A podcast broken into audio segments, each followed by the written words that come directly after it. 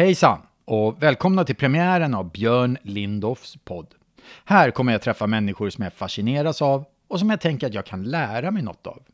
Livet handlar ju om att samla på sig erfarenheter och kunskap. Och det tänker jag försöka bidra till genom ett gäng samtal. Gärna om ämnen som vi annars inte pratar om så ofta. Och idag börjar vi med just ett sånt ämne. Visste ni att det fortfarande dör folk i covid? Att en covid-infektion på riktigt ger sig på alla organ i kroppen. Och att den kan öka risken för hjärt och kärlsjukdomar samtidigt som den krymper den grå massan i hjärnan och ger många drabbade kognitiva skador. Eftersom det här är en sjukdom som vi ska leva med nu så måste vi fundera på vilken framtid vi vill ha. Hur gamla vill vi bli egentligen? Hur gamla vill vi att våra barn ska bli? Och vilken sorts hälsa vill vi ha i framtiden? Den 28 augusti i år publicerade New York Times en artikel om att trots att USA sedan den 11 maj inte längre klassificerar covid-pandemin som en health emergency så har antalet döda i pandemin stigit under sommaren. De konstaterar redan i inledningen på artikeln att det är lite som att viruset inte har lyssnat på myndigheternas påbud om att nödsituationen kring pandemin är över. Kanske beror det helt enkelt på att nödsituationen inte är över.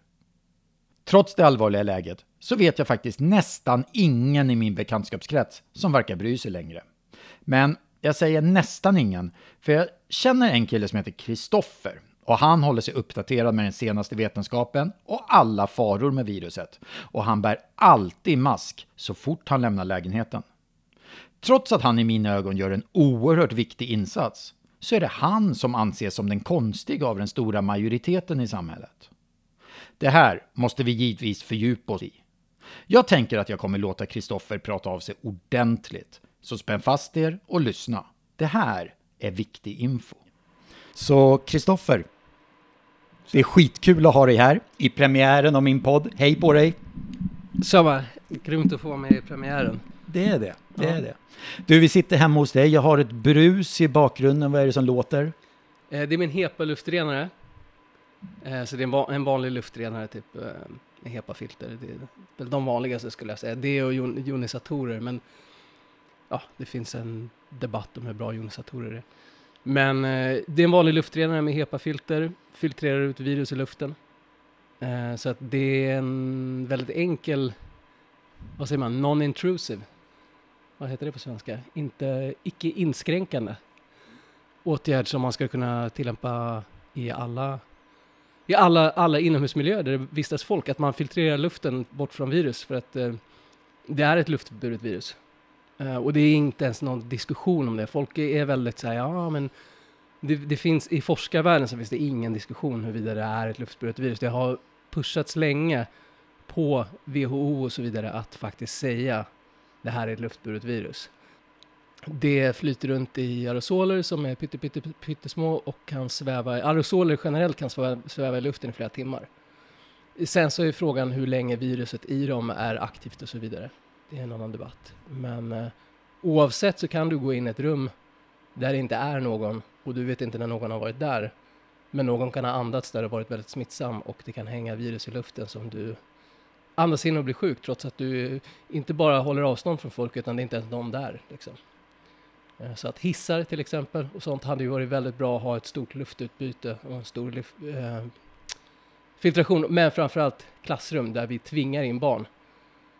Eh, vi tvingar in barn med skolplikt oavsett om de har sjuka föräldrar eller, och det spelar inte så någon roll för vi utsätter barn för ett virus som vi från början har erkänt att citat, vi vet ingenting om. Och ändå så köpte alla att det här är en superbra idé att vi ska smitta barnen obligatoriskt med, med um, skolplikten. Så att, uh, det här är det vi ska fördjupa oss idag. Eh, jag börjar dock med, med eh, innan jag kom hit idag så tyckte du att Björn, jag skulle vilja att du gör ett coronatest innan. Mm. Jag gjorde ett coronatest innan, mm. det var negativt så jag har inte corona. Mm. Jätteskönt att veta. Osäkert dock, men, ja. men testet var negativt i alla fall. Ja, det var det. Varför var det viktigt för dig? Eh, ja, men alltså det är ett enkelt sätt att riskminimera lite grann. Eh, Nu är det som med antigentesterna, som är de här snabbtesterna, att de är inte superbra. Får ett positivt svar, då, är du, då ska du räkna dig själv som positiv. Det är väldigt svårt, det är om du har gjort någonting fel för att skada testet. Men, men däremot så ehm, kan du vara väldigt smittsam och testa negativt. Ehm, för att de är känsliga, men din, din virusproduktion går väl upp och ner och så vidare i, i slemhinnorna antar jag att det är det som handlar om. Och sen så eh, de är inte lika känsliga som PCR-testerna helt enkelt. Du, du, kan testa fram och tillbaka i flera dagar och så kan det vara positivt på tredje dagen trots att du varit sjuk hela tiden. Så att de är ganska otillförlitliga nu. Uh, och jag tror ju att många inte vet om det, att om de ens testar sig överhuvudtaget så tar de ett test och de är sjuka och så antar de att det inte är covid för att det var negativt, men det kan lika gärna vara covid. De är inte så pass bra som man önskar att de hade varit, men det är i alla fall en riskminimering. Liksom. Jag ber generellt sett inte folk att testa sig när de kommer till mig för att uh, jag pallar inte vara jobbig. Alltså jag menar, för mig så är det liksom, jag var väldigt noggrann förut med att testa mig när jag träffade folk. Men det är ingen som bryr sig och det är ingen som skulle göra samma sak för mig oftast. Nu var det ju, till exempel, jag bad ju inte dig testa dig sist när vi skulle dricka vin. Tror jag inte. Nej, det gjorde uh, inte. För att då var det privat. Men nu är det sen, nu kommer du hit och ska spela en hela podd, då får du fan sköta det, då kan jag kräva. ja, Okej, okay. ja, men det låter väl vettigt. Ja. På. Nej, men senast, be, be med Nocco också, för jag sena, senast vi såg så satt på din balkong och drack vin, det stämmer, du bad mig inte att testa mig innan.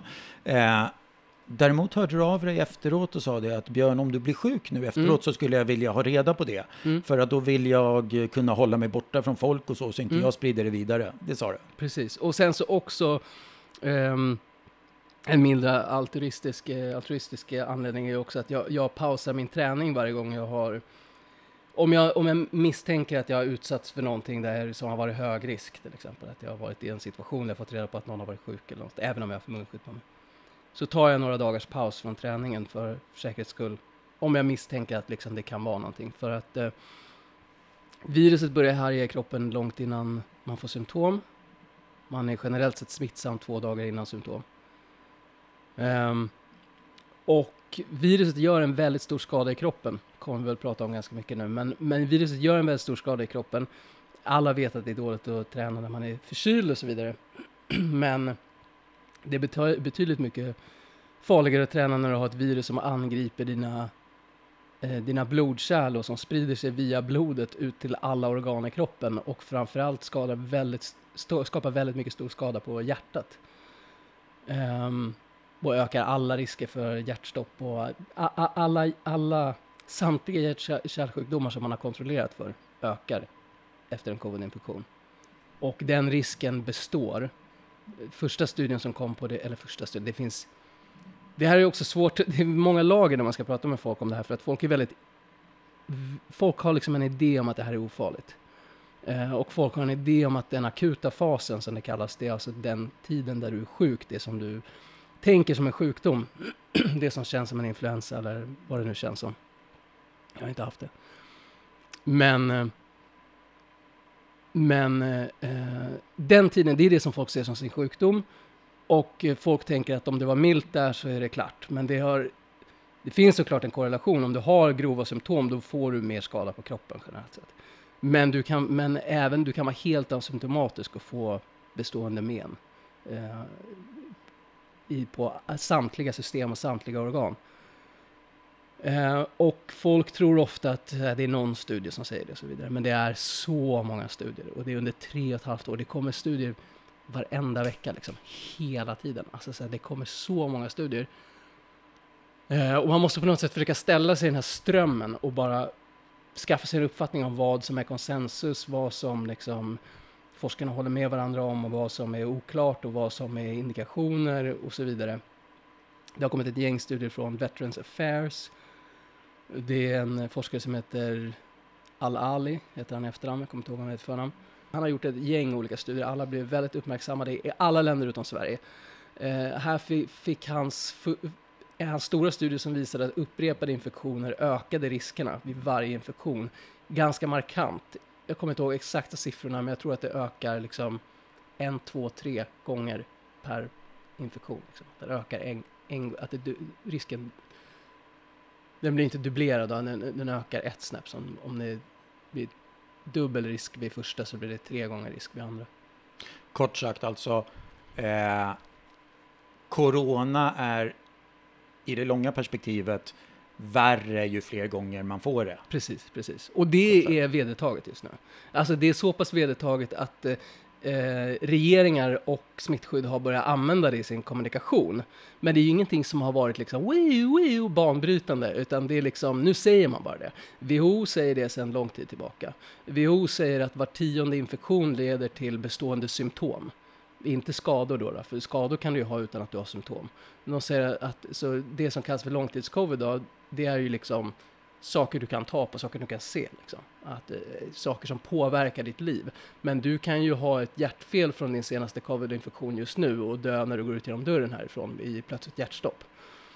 Så, utan, utan man märker det så att säga innan? Precis, ja. precis. För du kan, kan ju liksom ha microclots och så vidare, alltså så mikroproppar som strömmar runt, du har, som kan göra skada. Du, du kan ha massa, massa hjärt-kärlsjukdomar som, som du går, precis som vem som helst kan ha det egentligen. Men du har helt plötsligt fått en väldigt förhöjd risk för de här. Och den första studien som kom då på just hjärt-kärlsjukdomar visade på att de här riskerna var förhöjda i ett år.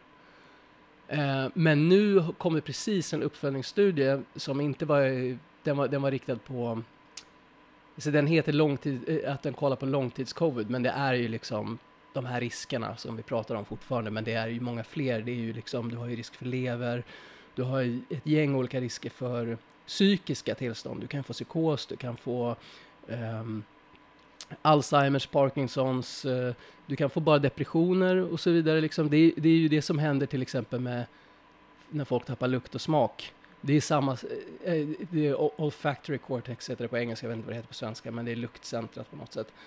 Och runt där omkring sitter ju samma delar av hjärnan som, som påverkar depression och så vidare.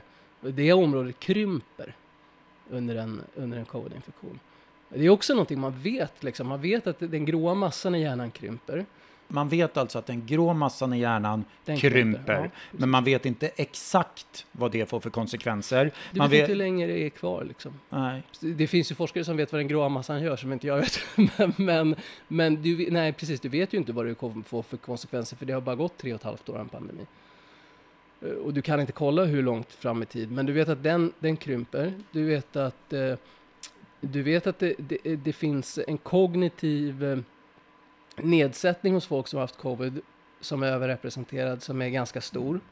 Eh, när du gör tester som du kan göra på folk som har hjärnskador och så vidare. Så det finns en kognitiv nedsättning man kan mäta hos folk som har haft covid. Frågan är hur utbredd den är. För du behöver ju liksom göra väldigt många sådana här studier innan du kommer fram till någonting säkert. Liksom. Men det finns en studie i, eh, en stor engelsk studie, en stor brittisk studie som, där man har haft då ett eh, kognitivt test man har gjort på befolkningen innan covid. Eh, det är någonting man har gjort generellt för att ha en koll på utvecklingen eh, i, samhället. Ja, men så, som man har vissa sådana liksom studier, långtidsstudier. Då tog de in folk igen eh, att göra om testet eh, och kontrollera vilka som hade haft eh, covid och vilka som inte hade haft det. Och där fanns det ju liksom en mätbar eh, påverkan även hos de som inte uppfattade det själva. Eh, I en stor del av de som hade haft covid. Och då var det liksom, man brukar säga non-hospitalized, det är det som är milda fall, de som inte behövt någon sjukvård. Liksom. Det är en sån grej som folk har svårt att ta till sig också. För att det är så här, vadå, säger du att alla som har haft covid är hjärnskadade nu? Ja, potentiellt. Alltså så här, troligtvis inte alla eftersom att eh, så är det ju med allt liksom. Men sen så vet vi att riskerna förhöjs och så vidare. Vi vet att eh, även om det skulle vara så att riskerna gick ner, men var bestående. Vi ska leva med det här viruset nu, säger de. Så du ska få det här en gång varannat till två gånger per år. Liksom. För en av eh, resonemangen brukar ju vara typ, ja men när man pratar, oavsett vilken skada man pratar om, man pratar hjärtskada eller hjärnskada eller så vidare, så säger man ja men eh, det här kanske läker. Ja, det kanske gör det. Det kanske läker ut. Eh, men, eh, jaha, om du ska få det igen ett år senare då? Hur lång tid tar det för den gråa massan att återhämta sig till exempel? Jag har ingen aning. Men eh, hur lång tid tar det för ett hjärtfel att, att reparera sig? Ja, men, så nu vet man ju till exempel att efter den nya studien som kom från Alla Ali på hjärtat så säger att samma risker som man mätte upp till ett år förut, de har man nu mätt upp till två år. Och det är svårt att sälja in någon slags domedagsnarrativ eh, också för att det är ju liksom ofta fel. alltså så här, de flesta gångerna så går världen inte under, de flesta gångerna så, så klarar sig mänskligheten oavsett vad det är för någonting. Liksom.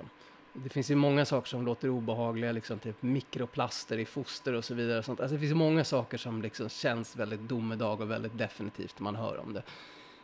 Och jag tycker att det, man ska vara försiktig liksom. Men det är också så här, okej, okay, vad blir det för framtid de närmsta åren? Jag vet inte vad incidensen är i Sverige på till exempel hjärt och kärlsjukdomar i de åldersgrupperna, men i USA så har ju hjärtstoppen gått upp eh, jag kommer inte ihåg, det är typ 30-40 procent någonting i åldersgruppen 30 till 40 år. Och det är ofta de här yngre, man tänker ju covid som någonting som drabbar äldre, men det är inte riktigt sant för att den akuta fasen är farlig för äldre. Men eh, unga dör långsammare. Eh, och jag menar, om du bara dör, då spelar ju inte de långsiktiga riskerna så stor roll. Men om du ska gå runt och få de här eh, upprepade infektionerna med ökade risker varje gång under hela ditt liv. Liksom. Alltså bara under de här åren. Liksom. Det är katastrof, säger sig själv. Så jag tror att det är svårt att sälja in en slags eh, domedagsnarrativ för att folk, allting under liksom att människors huvuden börjar explodera på gatan ses inte som liksom undergången. Sen så om det betyder att, okej, okay, under 20 års tid framöver så kommer alla människor leva ett avsevärt försämrat liv i, i mätt i hälsa. Folk kommer dö mycket tidigare. Folk kommer ha mycket mer sorg i sitt liv för att de kommer förlora någons man eller fru kommer dö mitt i livet eh, när man hade planerat ett helt liv tillsammans, när man hade kanske precis skaffat barn eller så vidare. Jag menar, även om du klarar dig lång tid på det här alla måste ju ändå acceptera, även om man liksom tänker så här, ja men det där, allting kanske är fel, ja, men alla måste ju ändå acceptera att åldern är en riskfaktor. Det vet vi ju, för det är ju narrativet för hela den här pandemin. Ålder är riskfaktor, det är bara gamla som dör. Okej, okay. men ska du, har du kommit på ett sätt att bli yngre eller? Alltså vad är din plan när du själv kommer upp i 60-årsåldern har du inte tänkt att leva längre än så. Du har ju inte direkt goda förutsättningar att klara dig mycket längre om du, har, om du har, som jag är 38, om du inte som jag inte har skyddat dig och haft tre infektioner redan liksom. Så en infektion om året och du ska bli 60 liksom så här. Ah, Okej, okay, ja men det, vad, vad blir det då? 30, eh, 22 infektioner till liksom. Uh, okej, okay, 22 infektioner, om vi vet att det här är liksom förödande på tre år. Det säger sig själv att om du ens klarar dig dit så, liksom, så här, du kommer inte bli 70, liksom, så här, du kommer inte bli 75. Du, om vi backar mm. tre och ett halvt år till början av pandemin. Hur började det för dig? Vad gjorde du då? Var befann du dig i livet? Och vad vi, vad, berätta, hur, började, mm. hur var ditt liv när pandemin började? Mm. Alltså jag var i Åre när pandemin började. Jag, ehm, så jag hängde med en tjej som jag hade hängt med ganska länge, ganska många år. Ehm, och hon var, eh, Eh, eh, hon var ganska hypokondrisk av sig, alltså som folk är ibland. Liksom, så hon var nojig liksom. Så Och hon var väldigt orolig över rapporteringen om covid i, som då liksom bara var i andra länder i, i, början av 2020 och jag totalt ignorerade det. Jag hade ganska mycket annat att tänka på i mitt liv. Och min uppfattning då, eh, som var liksom naiv, var väl liksom att eh, jag har hört det här förut. Min inställning var väl att okej, okay, men det här är ju liksom det vanliga.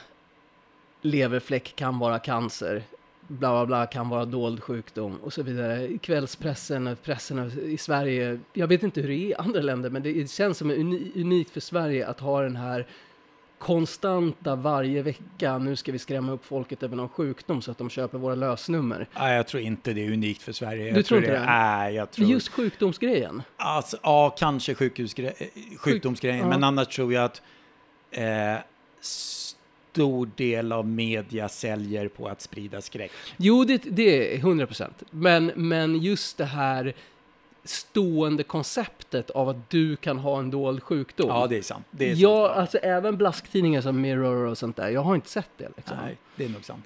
Ehm, så att för mig så var det liksom, okej. Och, och jag har alltid följt, jag har alltid varit intresserad av journalistik. Jag har alltid följt liksom diskursen kring journalister. Alltså så här, jag alltid stående lyssnat på, på medierna i P1 varje vecka liksom så här, sen det kom i princip. Jag, jag, jag brukar kolla PK-debatt, Publicistklubben debatt och så vidare. Jag har alltid väldigt eh, insyn i hur debatten går kring, eh, så, så jag har en ganska bra uppfattning om vad svagheter och så vidare är enligt eh, svensk journalistik. Eh, och det fanns ju redan då lite diskussioner som att eh, hur, eh, hur det här med covid hade målats upp på svenska rubriker, att det lät som att det var här långt innan det var här och så vidare. Så att jag hade tunnat ut lite grann. Jag kände så här, jag orkar inte. Eh, jag tycker att det är fult att de håller på att skrämma upp folk och så vidare. Det var typ min inställning. Och hon var väldigt orolig, den här tjejen som jag var med, och jag lugnade henne med att säga liksom att du vet att jag sätter mig in i saker så sätter jag mig in i saker ordentligt. Liksom, så. Jag tycker om, för mig är sanningen väldigt viktig i alla perspektiv. Liksom, så. Jag, jag tycker om att förstå hur saker ligger till och jag tycker att det är fruktansvärt sorgligt när folk tror på saker som inte är sant. Så jag sa liksom att jag tänker inte lägga den energin på det här just nu. När det kommer till Sverige, då kommer jag sätta mig ner och så kommer jag gå igenom det här ordentligt. Jag kommer sätta mig in i det, Eh, göra en ordentlig riskbedömning och se om det här är någon risk för oss eller inte. Men jag tror att det här kommer vara som svininfluensan. Det kommer säkert tyvärr drabba äldre, men jag menar, en influensasäsong också i Sverige, folk har lite dåligt perspektiv på det, men det dör några hundra. Det är 25 000 i kommunen. Så att det är ju liksom, det är sorgligt med alla som dör i influensa också, men det är, liksom, det är äpplen och päron, det går inte att jämföra. Så att jag, jag ignorerade det ganska mycket. Vi var i Åre i slutet på februari och fick höra där att eh, liksom det hade kommit till Sverige och jag tror att första dödsfallet hade varit, om jag inte minns fel, jag kommer inte riktigt ihåg, men det hade i alla fall kommit till Sverige då, att vi hörde och folk blev lite så nojiga och började prata och så. Liksom. Och jag var så här, men jag, när vi kommer hem så sätter jag mig in i det. Så när vi kom hem så började jag direkt liksom grotta ner mig i det här. Eh, och eh, tillsammans med en granne, som jag var väldigt bra vän med, han har flyttat nu. Men, eh, men vi började liksom bara gräva i det här. Och vi satt bara och skickade artiklar till varandra och skickade grejer till varandra och liksom försökte skaffa oss en uppfattning. Och vi såg ju ganska tidigt att okej, okay, visst, det är väldigt mycket gamla som dör. Men det är också unga som dör. Uh, I Italien var det då liksom, så här, det var ju... Uh, men framförallt det som fick mig var ju att reagera var ju just att de sa att vissa unga blir inte riktigt friska. Vi ser liksom folk som är sjuka en månad in och fortfarande inte skakat av sig symptomen.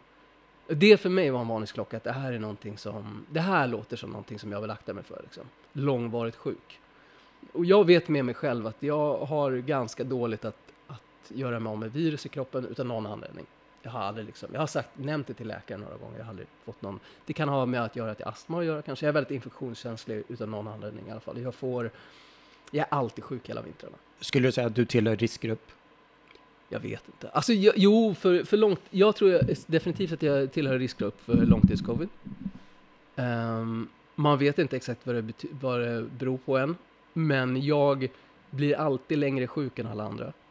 Uh, och det skulle ju kunna tyda på att mitt virus har, äh, mitt, min kropp har ett svårt att göra sig av med virus. Och en av teorierna till vad långtidscovid, det finns säkert flera faktorer som driver långtidscovid, för det är så himla många system som påverkas av covid. Men en av faktorerna är att man har bestående virus. Och man vet att vissa människor har bestående virus. Mm, så då har du ett virus som i princip gömmer sig i kroppen. Som, du är inte aktivt smittsam, men du, eh, har en pågående in- virusinfektion fortfarande. Okej, det kom till Europa, framförallt Italien. I Italien var ju situationen helt galen i Mm. början. Mm. Eh, fortsätt därifrån. Vad var det Yes. som... Hon fyllde år precis i början på mars, så att vi sa så här, okej. eh, vi hade ju en känsla att så här, vi ska inte träffa så mycket folk och sånt, men vi går ut en gång och träffar några kompisar på och firar din födelsedag liksom som en, en lite sista grej ifall vi behöver dra oss undan här. Så vi, vi gick ut, jag kommer ihåg vi gick ut, vi träffade någon på en krog som klagade över att hans jobb var nedstängt för att någon hade covid på jobbet. Och vi bara backade och bara va? Vad gör du ute bland folk liksom? Och det här var innan jag hade liksom en full uppfattning om hur pass allvarligt det var. Det var mer en eh, generell försiktighetsåtgärd liksom. Att jag, jag ville liksom så här, så, det är en dum risk att ta. Här är den här snubben ute på krogen någon dag efter de har stängt hans jobb för att det sprids covid där. Det är så här liksom, okej, men du ska ju uppenbarligen inte vara bland folk. Då började vi båda känna så här, okej, det här är liksom lite olustigt. Eh, folk verkar inte riktigt fatta det här. Och jag har en ganska bra uppfattning om att folk är rätt dumma i huvudet när det gäller smittspridning generellt. För att jag har alltid varit infektionskänslig, kanske på grund av min astma. Men jag har i alla fall, jag får allting som alla har generellt sett. Så att jag aktar mig väldigt mycket generellt sett, alltid gjort när folk är sjuka. Jag förstår, jag har alltid förstått att det är finns något slags luftburet element i luftvägssjukdomar. För att folk har alltid attityden så du behöver inte hångla med mig. Ja, alltid det folk säger om, om att de behöver inte hångla. Nej, det Och behöver det är du liksom inte. så här, nej det behöver jag inte. För att jag har blivit sjuk många gånger i mitt liv och väldigt få gånger har det kommit av att jag har hånglat. Alltså så här, det, det brukar lösa sig själv liksom. Så, och det är ju klassiskt i Sverige att folk dyker upp till jobbet svinsjuka liksom. Och skryter om hur sjuka de är och att de ändå är på jobbet. Det är en så här supersvensk grej liksom. Ja, Det det kanske är så i andra länder Nej, också. men det är nog sant. I Sverige jobbar man sjukt eh, generellt sett skulle jag säga. Jag håller nog med om det. Och liksom den här logiken att komma till ett jobb och gnälla över att jag måste vara här för att jag behöver pengar. Ja, men jag behöver också pengar och nu är du här svinsjuk och se till att jag kommer bli sjuk. Så att nu kommer jag missa pengar liksom. Så här. Jag har aldrig förstått den egoismen liksom. Um, så jag förstår att folk är, men och för mig var det ganska hoppfullt också när jag, när jag blev så här, mysigt, det kommer bli lockdown. Det känns jävligt mysigt tyckte jag. Alltså det var min initiala liksom reaktion så här, det händer någonting. Liksom, så här. Vi kommer sitta hemma, vi kommer kolla på saker, vi kommer behöva hitta på nya grejer som vi inte gör. Alltså det, det finns en styrka i att saker förändras för att man behöver anpassa sig och helt plötsligt upptäcker man nya saker, man får nya perspektiv. I min erfarenhet är det bra att bryta av vardagen ibland. Uppenbarligen så har svenskarna bestämt, och nu även hela världen i princip bestämt sig för att allting som inte känns som en vanlig tisdag är det absolut värsta som finns. Ja, jo. Alltså allting som liksom inte är jag kan gå och handla mina kläder på H&M är tydligen någon slags tyranni liksom. Eh, Alltså det är lite så det pratas om, för lockdowns är ju generellt sett om man kollar på globalt så har det ju mest handlat om att man bara eh, stänger ner köpcentrum och, och så vidare. Liksom. Alla sådana platser. Liksom. Det handlar inte om att man svetsar igen dörrarna och dödar folks husdjur. Liksom, som brukar vara. Som att man såg hur överbelamrat det var eh, på sjukhusen i, i Italien. Eh, så fanns det liksom, det var ganska snabbt folk på nätet började leta fram ja, hur många sjukhussängar har vi per capita i Sverige? Hur många respiratorer har vi per capita i Sverige? Vi låg ju långt under alla andra länder i Europa. Så det sa ju sig själv att det var ett recept för eh, total katastrof om vi inte skulle stänga ner. Så jag var ju väldigt övertygad om att vi skulle stänga ner. Ibland så får jag höra att jag liksom... Folk brukar tro typ att man har någon slags inbyggt agg mot Tegnell eller Folkhälsomyndigheten. Typ som att man skulle kunna vara rasist mot Folkhälsomyndigheten eller någonting. Liksom. Alltså som att jag skulle bara gått där och väntat på liksom, så här, att få, få slänga hat på den här myndigheten som jag knappt visste om existerade innan pandemin. Men jag, jag brydde mig inte om det så mycket i början. Jag tänkte det är någonting fel.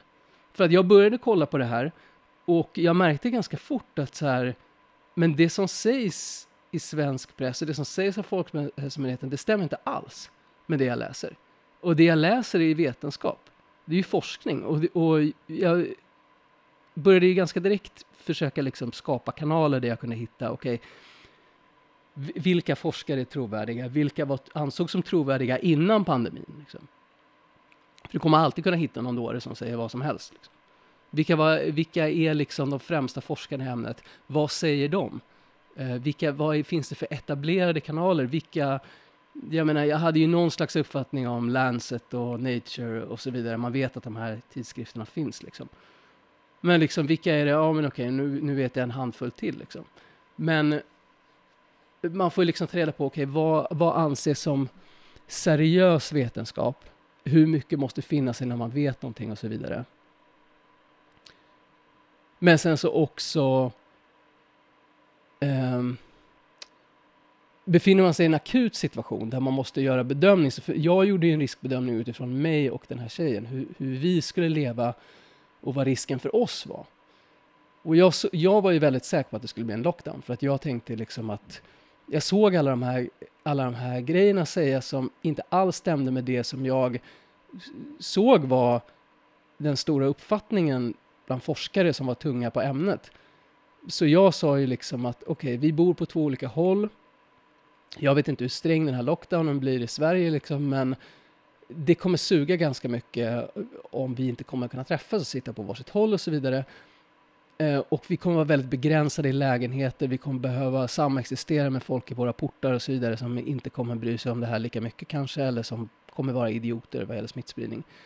Jag märkte ju ganska direkt hur folk betedde sig på butiken och grejer. Det var ju väldigt mycket tommare än vanliga fall, men sen så gick det ju folk där och hostade precis som vanligt och betedde sig helt som vanligt. Så att det var fanns ju redan där någon slags splittring i samhället där vissa höll sig hemma precis i början då och vissa gick runt och tyckte, vadå? Och de ska man behöva samexistera med. Så att jag gjorde så, jag sa så här, vi drar härifrån. Jag pallar inte vara i Stockholm. Eh, vi kan göra något fett av det här istället. Så vad gjorde ni, du och din tjej? Vad gjorde ni? Jag kollade upp eh, stugor eh, nere på västkusten i en liten eh, eh, semesterort där jag har haft landställe hela mitt liv men Eh, som min familj nu sålt för några år sedan. Så jag ringde, jag kollade upp två stugor, visade sig att det var samma person som hade dem. Eh, ringde på dem eh, och sa liksom att vi vill hyra din stuga men vi vill hyra den nu. Eh, och ungefär en och en halv månad framöver. Så här. Man hyrde ut per vecka. Och hon blev så här, "Jaha, eh, men jag vill ha ett bättre pris här, för att det är innan du hyr ut och det är, vi kommer hyra länge liksom. Typ en och en halv, kanske två månader. Så. Vi var där ett halvår till slut. Men, eh, så jag fick ett bra pris på den eh, och hon undrade varför och jag förklarade, nej men vi tar covid på allvar liksom. Eh, och vi kommer vänta ut det här. Så, så vi vi hyrde en stuga nere på västkusten. Uh, fixade så att min granne körde ner oss med bil. Vi var supernoggranna med liksom... Vi stannade ingenstans på vägen. Jag tror vi stannade på ett ställe och köpte chips eh, och tankade på en mack. Och då hade vi alla andningsskydd på oss. Ehm, alla gick inte in heller, jag tror det bara var jag som gick in. Men vi hade andningsskydd på oss i alla fall. Och då trodde man ju mycket på fomiter, fomites, alltså eh, kontaminerade ytor. Det tror ju fortfarande svensken är så det smittar, att man ska tvätta händerna.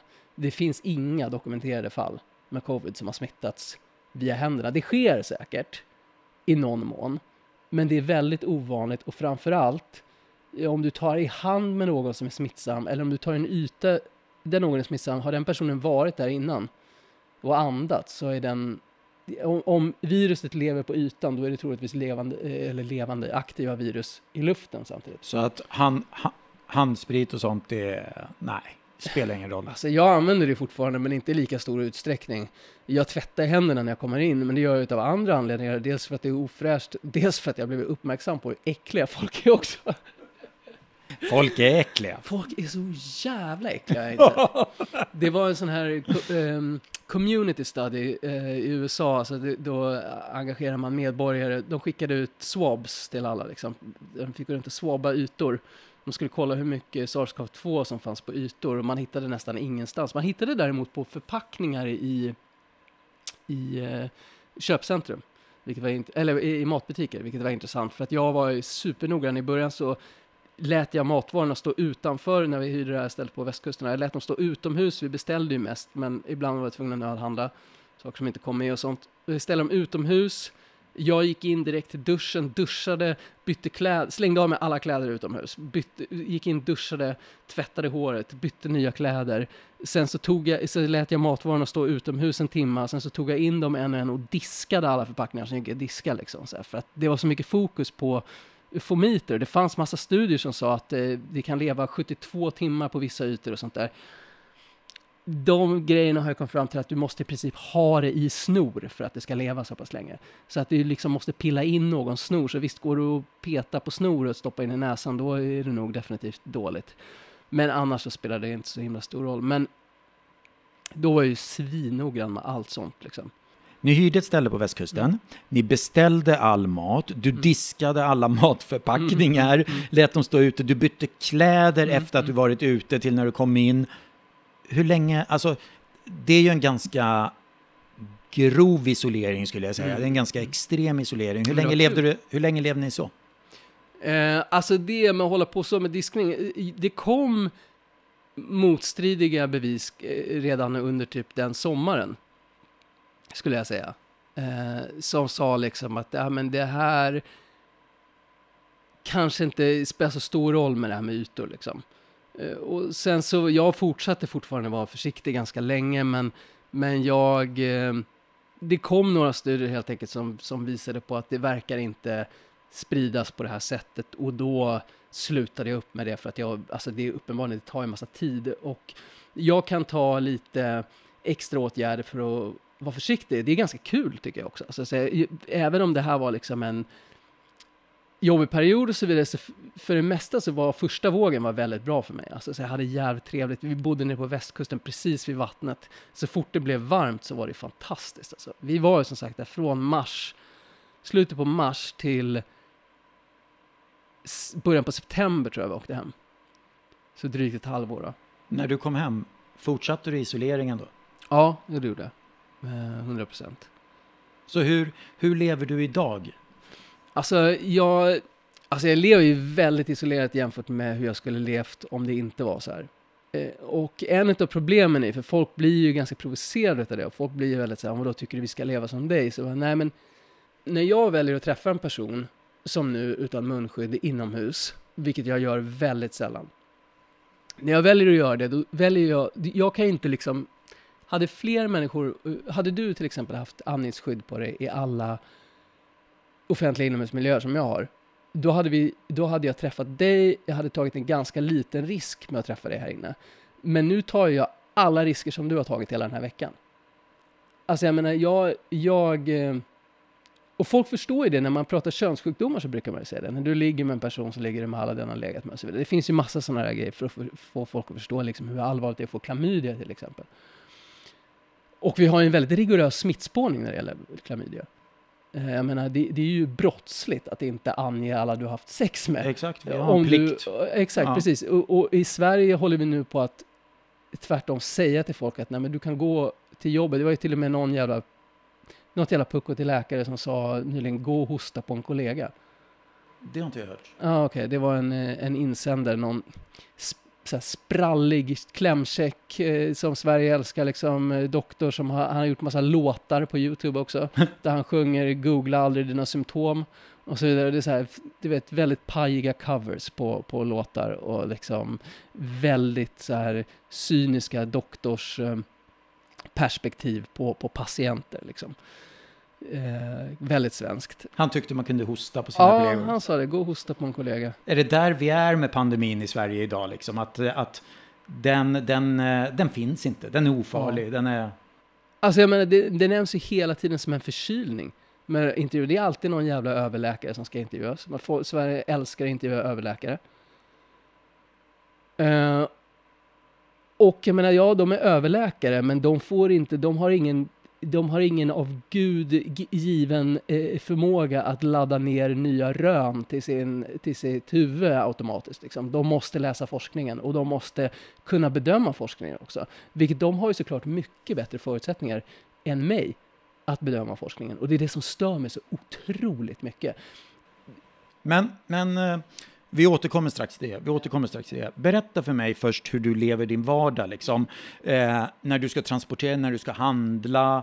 Eh, hur, hur, vad har du för attityd både till att hålla avstånd, hur mycket har du masken på, hur pass nojig känner du dig när folk kommer för nära och allting. Eh, jag började ju när jag presenterade dig med att säga att du är en av de få som jag känner som fortfarande har mask på sig hela tiden. Det stämmer, du har det hela tiden, eller hur? Jag har det, generellt sett så sätter jag på mig det så fort jag går ut i porten. Uh, och jag är katt, så jag får gå ner ganska ofta i porten. Och då ibland så liksom tänker jag så här, men jag håller andan på vägen ner, det håller jag aldrig liksom. men, men uh, det är en fett onödig risk, helt i onödan. Jag tror att det har varit smittutbrott här i porten tidigare, för jag vet en granne som blev sjuk i en mystisk sjukdom där hon förlorade lukt och smak och tydligen gör inte folk den kopplingen att det är bara covid du förlorar lukt och smak på. Om du förlorar lukt och smak, vilket dessutom är ovanligare med de nya varianterna enligt utsago, så om du förlorar lukt och smak, då har du covid. Sluta hålla på och undra vad du har för någonting. Om du inte har varit med om en typ kraftig hjärnskada nyligen om du har slagit i ditt huvud väldigt nyligen och du har tappat lukt och smak, då ska du nog gå till doktorn och säga jag har nog en hjärnskada. Men i övrigt, om du tappar lukt och smak utan, utan förklarlig anledning, då har du covid. Så det var en granne som helt plötsligt tappade lukt och smak och skrev om det på, på Facebook, att hon var nere på hörnaffären och köpte den starkaste nudlarna för att testa sitt lukt och smak. Och det säger, gå inte till affären! Eh, och kort efter det var grannungen sjuk. Och kort efter det satt någon och hostade ur sig lungorna på balkongen här borta. Och då tänker jag, okej, okay, det här är ju ett utbrott i porten. Behöver inte vara det, det var ju ganska hög smittspridning överlag. Det kan ha varit alla tre separata fall. Men uppenbarligen liksom, det är en dum idé att gå i porten utan munskydd. Men jag sätter på mig munskydd direkt när jag går ut i porten. Jag använder, eller förlåt, andningsskydd. Stor skillnad på andningsskydd och munskydd. Eh, andningsskydd är ett skydd som, som skyddar dig från partiklar att inhalera om de har ett krav på hur mycket de måste sortera ut och så vidare. Munskydd, det kan vara ett kirurgmunskydd, det är helt öppet på sidorna. Du kan både inhalera och, och utandas virus på folk genom det. Men allting är bättre än inget för att du kommer fortfarande lämna färre virus i den offentliga det offentliga utrymmet det är i så färre människor kommer smittas. Men generellt sett andningsskydd, jättestor skillnad. Alla studier som jämför dem som man har gjort i, i sjukhusmiljö till exempel, där personalen har vanliga kirurgmunskydd först och byter sen till andningsskydd natt och dag. Liksom. Um, jag tror att det var 99 procent skillnad, 99 procent mindre smittspridning i en brittisk studie där de gjorde precis det. Du har, an, du har andningsskydd på dig så fort du rör utanför ja. lägenheten? Ja. Tunnelbanan, affären, allting? Ja, exakt. I början så undvek jag all lokaltrafik och jag åker inte jättemycket lokaltrafik fortfarande. Jag har inga andra sätt att ta mig fram, så att jag gör ju det när jag ska någonstans. Men jag, jag rör mig inte lika mycket som jag skulle gjort annars i kollektivtrafik och så vidare. Men i början så gick jag överallt, eller åkte skoter så mycket jag kunde. Jag hade en sån liten kickbike som jag åkte runt på. Um, men nu åker jag ju liksom tunnelbana när jag behöver. Jag bryr mig inte så mycket om det alla är sjuka på tunnelbanan hela tiden i stort sett. Och jag förstår inte att folk inte reagerar på det. Som sagt, jag har alltid varit en person som håller mig borta från folk som är sjuka eftersom att jag har lätt för att bli sjuk. Så att jag har alltid haft en ganska bra uppfattning om hur mycket smittspridning det är på tunnelbanan för att jag byter plats när jag hör att folk är sjuka för att jag blir ofta sjuk. Jag har aldrig blivit smittad så länge jag haft det här andningsskyddet. Alltså under tre år, vanligtvis är jag sjuk hela vintrarna. Eh, och det räcker med att det börjar bli lite hostningar på tunnelbanan och grejer så vet jag att förr eller senare så kommer jag vara sjuk snart. Liksom. Nu börjar smittspridningen gå över. Så är det för mig varje vinter. Och sen så blir jag liksom sjuk om och om igen och det håller i sig länge och folk säger att hur mycket du är sjuk på vintern. Och sen så är det samma folk nu som tycker att jag är galen för att jag är rädd för att bli sjuk. Typ. Men eh, jag, eh, eh, jag har aldrig blivit smittad när jag har andningsskyddet på mig. Jag har, blivit, jag har varit sjuk tre gånger under den här pandemin. Eh, ingen av dem har varit covid. Jag har testat rigoröst. Eh, alla tre gångerna har varit att jag har befunnit mig i sammanhang där jag inte haft munskydd. En gång så eh, hånglade jag med en tjej på en fest. Då hade jag inte andningsskyddet på mig. En gång så um, satt jag på middag med en kompis och hans föräldrar. Eh, jag tog den risken och alla fyra blev sjuka. Ingen hade covid, så det, det bekräftat att det hade covid. Tredje gången så var jag, hängde jag med polare under två veckor under sommaren. Vi har ganska stora sommarvågor nu, det vet inte de flesta, men vi har ganska stora sommarvågor. Och jag gick på klubb där jag inte hade andningsskydd. Det var utomhus förvisso, men eh, det var också lite inomhus, det var på trädgården, så att jag gick in lite grann. Eh, men det var flera där som var sjuka. Och då blev jag såklart sjuk. Men det var inte covid heller. Förhoppningsvis. Det fanns inga PCR-test tillgängliga, men jag tog två stycken um, jag tog två stycken uh, antigentest, vilket är lite för lite egentligen, men jag hade ingenting mer att tillgå. Och jag hade inga typiska covid-symptom. Det var typiska förkylningssymptom. Jag tror inte att det var covid. Uh, du har minskat uh, ditt sociala umgänge ganska drastiskt också, eller? Ja, som fan. Alltså jag, under, under vågorna, då umgås jag i princip inte med någon. Liksom under stora vintervågorna. Då träffar jag i princip inte någon. Förklara, vad är vågorna? Ja, alltså alla vet ju att det kommer en våg liksom varje höst. Det kommer en våg som börjar någon gång nu, typ i september. Um, Men vi har haft vaccin ett tag. Har inte, mm. har, inte, har inte vaccinet ändå förändrat saker och ting? Jo, 100 procent. Det har det gjort definitivt. Alltså, jag färre människor dör. Och det är ju det som folk tror. Eh, folk lägger ju det på omikron. Folk säger ja, omikron är så mild. Folk dör så inte. Nej, vi hade ett vaccin som vi precis rullat ut samtidigt som omikron kom. Och samtidigt som vi fick en ny, en ny variant av omikron som var den första liksom riktigt eh, immunflyktiga varianten. Delta var väl också immunflyktig till någon mån, men omikron var ju den som verkligen ändrade på det och gjorde att folk som hade varit sjuka någon vecka tidigare kunde bli sjuka igen helt plötsligt. För de hade fått delta och helt plötsligt kunde de få omikron. Så det var en stor game changer som gjorde att många blev smittade. Många fler blev väldigt smittade som inte hade blivit det annars. Den spred sig bättre, den tog sig igenom folks immunförsvar. Vilket gjorde att folk som hade höga antikroppar fick en lättare, eh, lättare symptom initialt. Då. För de hade höga antikroppar dels från vaccin och dels från att de kanske hade varit sjuka nyligen. Så vi var högre smittspridning, färre dödstal eftersom att många hade antikroppar och så sa folk oj vad milt omikron är. Men det är inte mildare än, omikron är precis lika skaligt som, eh, eller i alla fall i den akuta fasen som eh, Wuhan One eller vad den heter, eh, alltså ancestral eller wild type säger man också. Det är alltså den första ursprungsvarianten, den som spreds i Wuhan. Då. Så om vi, ska, om vi ska summera, summera ihop lite, köra en liten halvtidssummering här. Eh, vaccinet, jättebra för att det räddar liv. Mm. Men pandemin pågår för fullt. Mm. Det är luftburet. Och vi har, har jag förstått det hela rätt från dig, eh, vi har inte utrett vad långtidseffekterna blir, men vi vet att det påverkar vår kognitiva förmåga. Alltså vår hjärnkapacitet. Mm.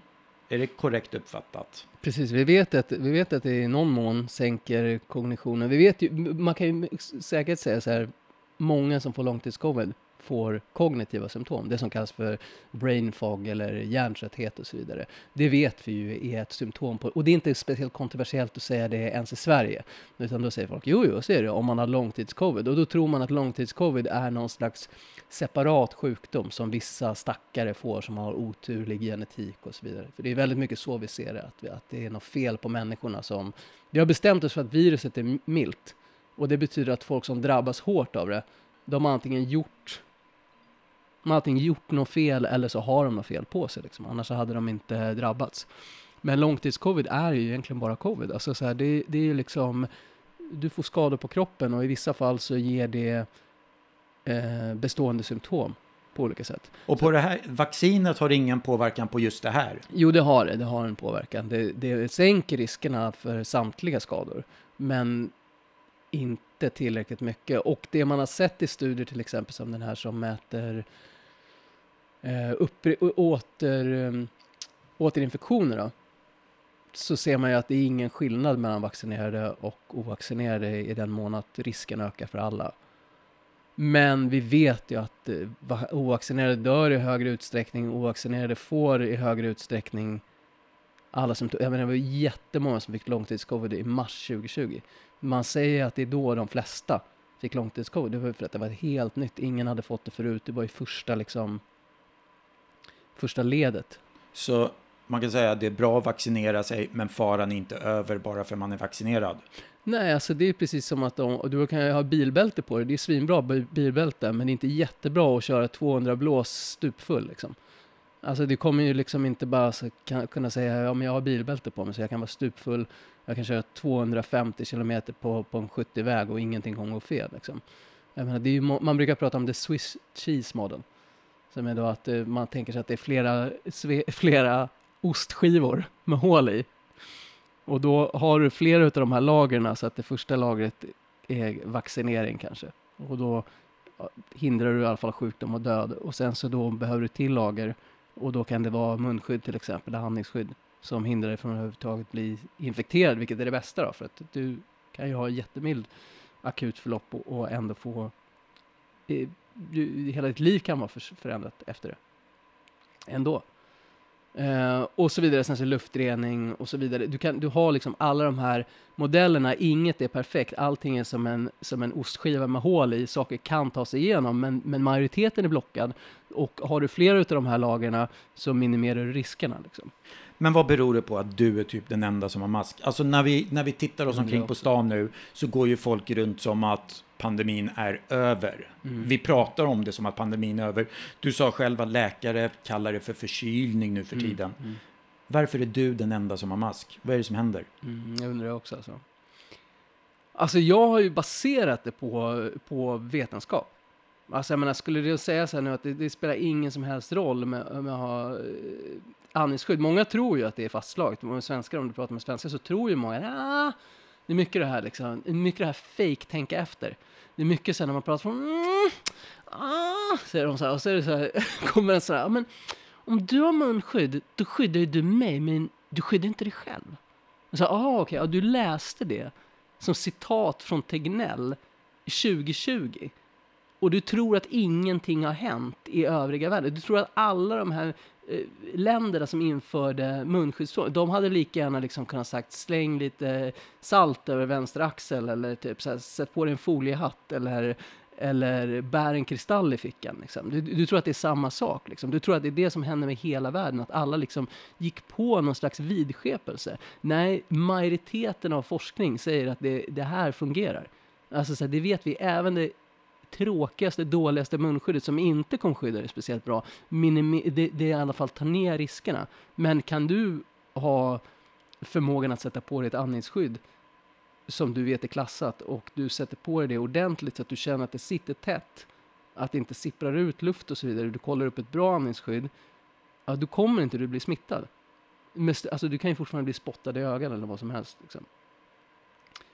Men så att jag vet inte, men det är ju insålt så pass hårt att det inte fungerar, att folk är väldigt inställda på att det är verkligheten eh, och ser mig som någon som gör någonting av ren vidskepelse eller rädsla. Personligen, jag är ju inte rädd. Alltså, det vill säga, jag har inte någon, någon slags... Jag har inte någon känsla, rädsla går jag inte runt med. Går jag runt på... Går jag till exempel på ICA och det går en person och hostar fruktansvärt rakt ut hela tiden, tar inte ens upp handen eller armen, inte för jag tror att det gör jättestor skillnad, men det gör väl en liten skillnad. Det är trevligt om inte annat. Det är, men, lite, det är lite trevligt att ta upp handen när man håller för munnen när man hostar, det kan jag hålla med om. Men, men ända sedan 2020 har jag sett folk gå runt så i matbutiker och hosta våldsamt, uppenbarligen jättesjuka i någonting, behöver inte vara covid, kan ju vara någonting annat, men är det mitt i sommar så undrar man ju vad det är för luftvägsvirus som påverkar dem så mycket. Och det intressanta för mig är också att folk runt omkring inte reagerar, inte ens under 2020 reagerar folk instinktivt med att oj, oj, oj, jag går bort lite grann. Utan folk står kvar och väljer sina varor och så kommer den här hostan och bara precis bredvid dem. Så jag menar, uppenbarligen så finns de här mantrarna om att i Sverige håller vi avstånd och så vidare, de är inte sanna. För att folk har inte det i sin ryggrad. Folk har, jag menar, om folk hade något eh, inboende känsla av att oj, nu ska jag akta på mig, då hade det synts när en sån person dyker upp. Jag, jag håller fortfarande avstånd, mm. men jag märker att nu för tiden när jag håller avstånd, till exempel i, när jag står i kassakön på Willys, mm. då är det inte ovanligt att någon kommer att ställa sig framför mig, för de fattar inte att jag står i kö. Nej. För jag har för långt avstånd. Jag märker också det. Ja, och det är ju något som har förändrats. För förut stod alla med långt avstånd. Mm, Så, så, Det var ju också det enda folk gjorde. ja. Det, var, det är verkligen det tydliga att när jag har pratat med folk, för att det, det är intressant att många försvaret av strategin har ju sagt till mig under tiden, nej men överallt jag är så ser jag folk följa rekommendationerna. Det är så här, men vad fan är du någonstans? Alltså det är ju bara det enda stället där man kan se en tydlig skillnad efter liksom mars 2020. För mars 2020 så var det ju många som höll sig inne. Det, där kunde du se en skillnad. Du kunde se att, det var tommare i butiken och så vidare. Du kunde se, det var ju typ under ett par veckor i mars. Liksom. Sen så blev ju allting som vanligt väldigt fort. Eh, och jag menar, det enda som du verkligen tydligt har kunnat se genom hela pandemin, eller ja, genom tills, tills för ett år sedan ungefär, var ju att folk i kassan på ICA stod på de utsatta markörerna eller liksom höll ett längre avstånd. Men nu känns det ju snarare som att det gått tvärtom. Och jag sa det också, att det är inte jättestort ökat avstånd mellan folk. Liksom. Det är ett ökat avstånd, men jag menar svenskar, vi sitter inte i knät på varandra generellt sett. Eh, men nu när jag går på ICA, min ICA här nere, då står ju folk alltså bokstavligen så att jag har personen i ryggen, står och trycker på mig. Då funderar jag lite så här, var det, var det ens så här innan pandemin? Eller har liksom folk tagit det där lilla avståndet vi gjorde och gått, ett, ett, var det ett, steg fram och två steg bak liksom som gällde? Vad är det som har hänt då? Är det liksom... Har vi lurats och tro att faran är över eller? Alltså, Det beror på vad man men- menar med lurats. I en viss mån så har vi definitivt lurats. Ja, men om man säger lurats som att någon har, någon sitter och vet att det här är farligt, men jag säger någonting annat. Det gäller nog ganska få. Det finns definitivt, vad säger man, bad actors liksom, i den här pandemin som aktivt sprider desinformation och vet att det är desinformation. Och vi får mycket av de här rena desinformationen levererad som information här. Och det är väldigt konstigt för mig, för att det finns desinformationsnätverk. Dels så finns det ju liksom antivaxnätverken och så vidare som vill sälja Ivermectin och så vidare, som tjänar massa pengar på det. Eh, och som eh, troligtvis till största delen består av ett gäng psykopater som är helt medvetna om att eh, Sen så kanske inte de tror att covid är så farligt och så vidare och så vidare och så vidare. Det är många som inte tror det. Men de är ju liksom fortfarande, de är redo att ljuga liksom. Men sen så har du, och jag bryr mig inte så mycket om antivaxarna, det är lite så här, jag tycker synd om någon som går på det, men det är också lite så här, okej okay, men radera ut dig själv då. Alltså jag bryr mig faktiskt inte längre, det har gått tre och ett halvt år, är du så dum så att du tror på Facebook-poster? Är det, det, det du, det du baserar dina eh, hur, hur du ska leva ditt liv på liksom. Det är lite så här, ja, ja, okej. Hade det här varit några tusen år sedan så hade du dött i, i skogen liksom för att du hade gjort korkade saker istället liksom. Jag är inte så socialdarwinistisk av mig i vanliga fall, men, men jag börjar tröttna på folk. Men, men sen så finns det ju liksom, det finns ett, ett desinformationsnätverk som är väldigt intressant som härstammar från, det, i, i toppen har du så är det alltså Kors Foundation, det uttalas Coke Foundation på engelska, jag vet inte varför, men stavas Kors, K-O-C-H. K-O-C-H. Och det är, Som i kockbröderna. precis, exakt, det är ju de, fast den ena är ju död nu. Ja. Ja, så förhoppningsvis dör väl den andra snart också, får vi hoppas. Men, men de är ju, de, Hår, hårda ord. ja, ja, men de förtjänar att dö. Det här är alltså högerextrema eh, oljemiljardärer. Alltså de är väldigt extrema i sina åsikter. De är ju alltså libertarianer som har engagerat sig i, i grupper för sla, slaveri och så vidare. Alltså det är, det, är liksom, det är riktigt extrema personer, men det här är ju liksom inflytelserika spelare i USA eh, som i, åratal köpt politiker, eh, i årtionden köpt politiker. Mycket har ju handlat om då att sprida desinformation om växthuseffekten. Nu har de under pandemin spritt desinformation om, eh, om pandemin och om viruset och om vaccinen. Eh, till slut. I början var, var de fokuserade på att mest eh, rikta sig in på alla åtgärder.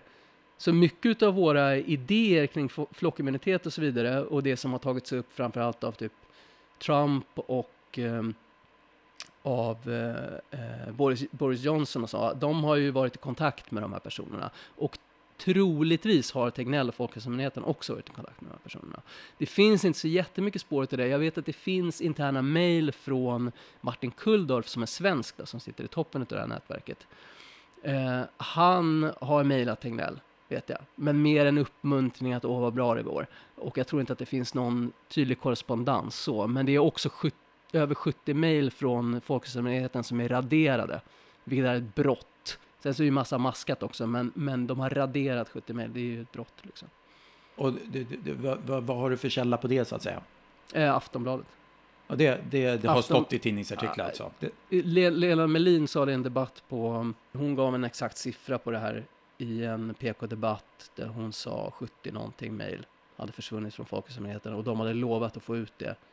Men Aftonbladet har inte skrivit, de har nämnt det i någon artikel, att massa mejl, i, i, typ en av de få artiklarna de skrivit om de här mejlen, så nämner de att det inte finns, att det saknas massa mejl, men de, de har ju inte varit på dem, de har inte uppdaterat, de har inte sagt Folkhälsomyndigheten lämnar fortfarande inte ut det här, Folkhälsomyndigheten begår ett brott i och med att de gör det här. Det den journalistiken uteblir ju helt. Liksom. Den är ju extre- det är väldigt hovsam journalistik mot Folkhälsomyndigheten. Mitt favoritexempel är ju när Tegnell, eh, när samtliga ministrar under 2020 hade börjat bryta sina egna rekommendationer. Det började med Dan Eliasson som åkte utomlands. Det blev ju liksom, han blev ju verkligen flodd för det, med all rätt. Och sen så var det eh, någon annan minister som gjorde någonting och sen så var det Löfven som eh, gick och handlade. Eh, julhandlade. Och sen så efter det, och alla de blev ganska hårt fördömda, efter det så kom Johan Carlsson och åkte buss utan munskydd på de tiderna som han hade förordat att man skulle ha munskydd. Borde inte vara jättesvårt. han sa att han hade glömt det. Men Det borde inte vara jättesvårt att komma ihåg när man- själv som har bestämt tiderna för det till och med. Um, men sen så, men han blev en, fick också, du vet, det var lite mjukare, för det var Folkhälsomyndigheten, men det var ganska hårt. Sen så kommer Tegnell och dyker upp på Jula eller Rusta eller någonting och köper sågkedjeolja.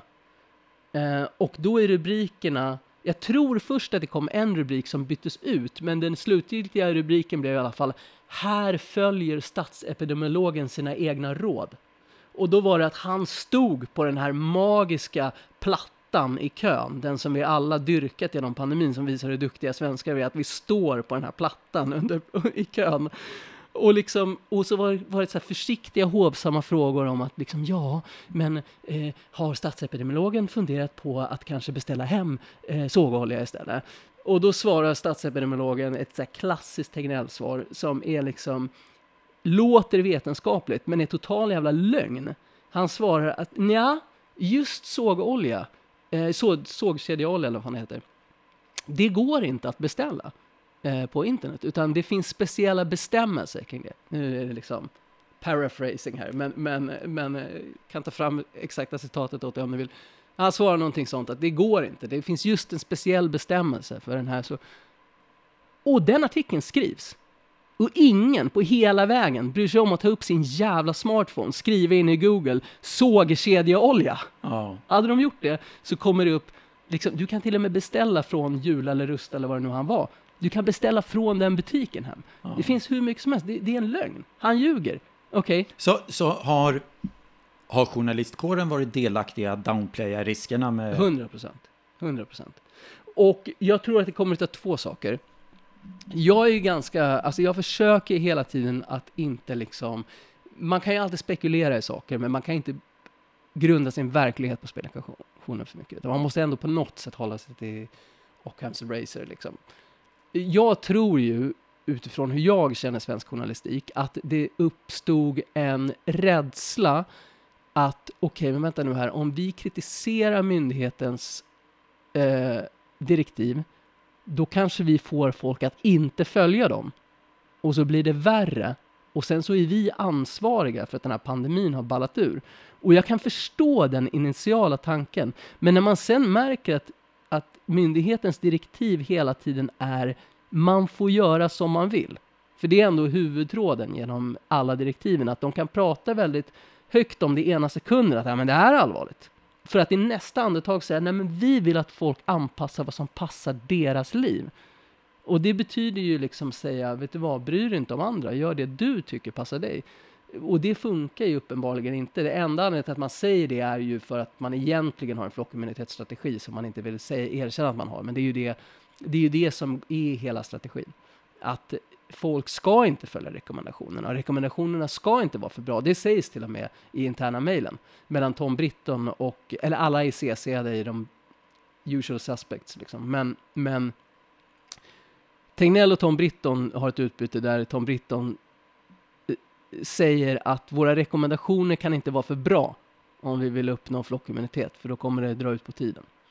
Vem, eh, vem är det här? Tom Britton, ja han var ju i tv hela tiden. Han är FOM affiliate kan man väl säga. Då. Typ, han, han, är liksom, han är en matematiker, så jag tror från Lund om jag inte minns fel, Lunds universitet om jag inte minns fel, eh, som har gjort jävligt taffliga överslagsräkningar på hur många som ska bli smittade och hur fort man uppnår flockimmunitet. Som jag förstår så har han ingen epidemiologisk eller eh, eh sjukvårdsutbildning överhuvudtaget, utan han hans uträkningar är ofta väldigt bara så här, om vi säger att det krävs att 60% är smittade, vilket är extremt lågt för att uppnå någon, någon slags flockimmunitet, om det ens hade funnits en sån, vilket inte finns i, i det här fallet. Um, så om man säger att 60% hur många människor är det då och hur fort skulle det gå om så här många blir smittade? Alltså, det är liksom högstadiematte. Alltså jag fattar inte riktigt. Det vill säga, jag kan ju också göra sådana överslagsräkningar. Ja, det där flockimmunitet är lite intressant, för man blir ju inte immun. Jag har haft covid flera gånger. Ja, ja, visst. Det borde jag inte kunna ha om jag hade blivit immun efter första gången. Ja, precis. Och det var ju tydligt väldigt tidigt. Alltså det är sånt här som Jag blev faktiskt mycket. sjukare andra gången jag hade den första gången. Mm, mm. Det blev jag. Ja, det är intressant. Var du vaccinerad däremellan? Ja, det var jag. Första ovaccinerad, andra vaccinerad? Eller? Exakt. Ja, ja. Alltså det är ju så himla olika. Jag vet folk som säger att de blir mer sjuka för varje gång, jag vet folk som säger att de blir mindre sjuka för varje gång. Det som är viktigt att komma ihåg är ju liksom att symptomen återspeglar inte nödvändigtvis vad som händer i din kropp. Kristoffer, du är ju, du är inte läkare, du är inte sjukvårdsutbildad. Eh, du är en vanlig dude liksom, eh, men det låter ju som att du har varit ganska manisk i ditt samlande av research. Berätta lite om din research. Eh, jo, men Alltså i... Ja, alltså jag fick ju lära mig allting baklänges till att börja med. För att jag, eh, som sagt, jag har ingen, jag har inte ens godkänt i biologi. liksom. Um, så att för mig så var det så här, okej, okay, eh, det bästa sättet att lära sig det här är att bara attackera det bakifrån. Jag måste förstå vad, vilken forskning är tillförlitlig, hur, vad kan jag hitta liksom de, de vetenskapliga diskussionerna, precis som att jag normalt sett följer den journalistiska diskussionen eh, i Sverige och i världen utan att vara journalist, så tänkte jag jag får försöka nästla mig in på samma sätt här. Så att jag hittade eh, eh, ett gäng olika forum och jag hittade framförallt en podcast som heter TWIV, This Week in Virology. Eh, jag kan säga att vi är inte direkt på samma sida i det här just nu, vad som bör göras om viruset. Det är inte på något sätt en extrem podcast eller någonting, utan det är amerikanska mikrobiologsförbundets podcast. Eh, så jag fick liksom hoppa in baklänges lite grann in i diskussionen och bara tänka att okej, okay, det här var liksom en podcast där man pratade forskning avsett för folk med kunskapen. Liksom. Så att jag, jag tänkte så här, jag får bara nöta det här. Jag får försöka sätta, alltså jag fattar väl vad saker betyder i kontext och efter ett tag så kommer jag förstå allting. Liksom. Du, blev, du blev tvungen att lära dig prata medicinska? Ja, precis. Och lära mig förstå hur, hur medicinska eh, vetenskapliga artiklar, vad som liksom, hur man, ja, hur, hur de är uppbyggda mer eller mindre och vad, vad svagheten är och vad styrkorna är och så vidare. Och det var jävligt spännande. Alltså, så här, jag har ju en helt annan uppfattning nu. Jag vet ju att du har ett gäng mappar i din dator. Hur mycket, ja. hur mycket data har du typ samlat på dig? Eh, jag kan kolla. Men jag, det började med att jag under, jag diskuterade lite på nätet och jag försökte få, få reda på saker själv. Jag ser nu hur kommer den här bokmärkshanteraren. Um, ehm, och jag insåg liksom när min browser på mobilen hade mer flikar än vad den kunde visa upp i hörnet. Liksom. Då insåg jag att det här är för rörigt, det är för spretigt. Och sen så insåg jag också att, jag insåg ganska fort att det är någonting konstigt med journalistiken just nu. Jag trodde hela tiden att det skulle komma ikapp, men jag insåg att det här som jag läser nu, om jag inte börjar spara det här så kommer jag ångra mig i framtiden. För att det kommer bli för stort att gå tillbaka till. Och på något sätt så har jag något slags ansvar här som den som, som en av få som faktiskt följer det här att, att kunna presentera det här för någon annan. Så att jag började spara. Jag, jag tänkte okej, jag skapar en mapp här som heter Corona. Tänkte jag. Eh, och sen så började jag göra underkategorier till den. Och sen så i- i och med att det växte så blev det fler underkategorier och mappar och så vidare. Och jag vet inte hur många hundra mappar det är i den här. Men jag borde kunna se hur många bokmärken det är. Någonstans. Jag kan se det på mobilen i alla fall. Mm.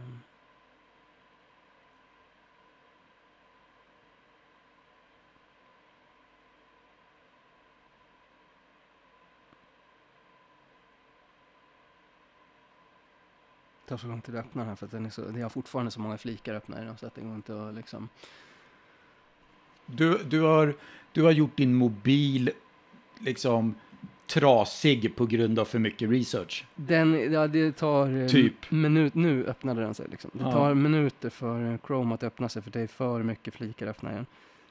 Och det är trots att jag började började lägga till saker här. Vänta, ska vi se. Eh, jo, här. Coronamappen. 4251 bokmärken. Du har över 4 000 bokmärken i din coronamapp. Precis. Du har under de senaste åren sparat allt som jag förstått det hela rätt, både vetenskapliga artiklar Ja, och journalistiska artiklar. precis. För att hålla koll på, vad sa du, både hur journalistiken har fungerat, Psykologin, bönbefolkningen, politiken politiken och vad vetenskapen har sagt. Mm, mm, mm. Och sen så håller jag isär också alla vågor. Alltså jag har väldigt, allting är väldigt eh, uppdelat. Men jag har till exempel olika mappar för alla vågorna. Och där har jag återkommande grejer till exempel. Överbelastning av sjukvården är alltid en återkommande mapp. Eh, jag har alltid en mapp som heter eh, ök, alltså, eh, någon mapp om ökningen. Den reella ökningen. Och sen så har jag alltid en mapp som heter höstens utveckling överraskar.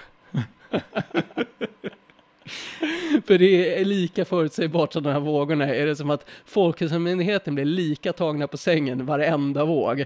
Och medierna blir lika tagna på sängen varenda... De är helt... Kommer det covid i år igen? Liksom så här, ja, det har varit så tydligt för hela tiden. Varför tror du, varför tror du att det här har blivit viktigt för dig? Eller rättare sagt kanske jag ska säga så här, varför tror du att inte andra verkar tycka att det här är viktigt? För att är det någonting vi har lärt oss de senaste åren så är det ju att covid är en fråga om liv eller död. Mm, mm. Så du verkar ju i jämförelse med folk i allmänhet ganska manisk. Mm. Men det är ju en fråga om liv och död. Varför, varför verkar inte folk bry sig? Varför står du ut från mängden? Varför är du den konstiga? Ja, det undrar jag också. Och grejen är att jag har tänkt så många gånger. Nu är det inte så mycket så för att jag har liksom inte hittat någon väg ut ur det här. Men jag har tänkt så många gånger så här. Jag måste ha fel. Jag måste ha fel. Det kan inte vara jag ensam. Och liksom, det är såklart andra. Jag har eh, skaffade Twitter i början av den här pandemin för att jag tänkte det måste finnas andra där ute. Det måste finnas andra som läser de här sakerna, som också tar del av forskningen och som inser hur annorlunda vi är och att, att det inte alls stämmer och det, det, det är konstigt det som sägs här. Det måste finnas andra som ser det här så jag började leta på Twitter så jag vet ju att det finns ett hundratal andra människor i Sverige. Det är ju inte bara jag, men vi är ju sån enorm minoritet. Och jag vet inte varför. Det är så fruktansvärt intressant måste jag säga. Alltså det är verkligen, hur frustrerande det än är, så är det för mig som att typ jag har alltid tänkt att hade jag vuxit upp i en tid med häxbränningar och, eh, och eh, liksom där alla var djupt kristna och köpte att man till och med tände eld på människor för att eh, man trodde att de var häxor liksom, så hade jag fortfarande varit en person som tyckte att det var helt absurt och sett det för vad det var. Och nu får jag lite av den delen här. Jag befinner mig i ett samhälle där jag vet ändå vad forskningen säger, vad som är vetenskaplig konsensus skulle det vara fel på något sätt, då är det ju någonting fel, djupt fel med forskningen. Och då är det ju ingen som kan förutse det. Eh, jag menar, jag följer ju ändå det som är mest rimligast att anta är sant. Eh, och varför jag är så ensam med det och varför media kan upprepa saker eh, det finns någon slags konstig ekokammare i media där till och med saker som slås fast som sanna glöms bort eh, direkt efter de har sagts. Eh, även eh, så, så, så, länge det går emot vår initiala uppfattning som vi hade liksom i mars 2020 om att flockimmunitet är det enda som gäller, trots att flockimmunitet på något sätt, nu har det blivit någon slags det är liksom ingen som har erkänt att oj, det blev ingen flockimmunitet, utan det har bara blivit något mer abstrakt begrepp som, som liksom ändå på något sätt gäller, fast, det, fast vi inte har det fortfarande.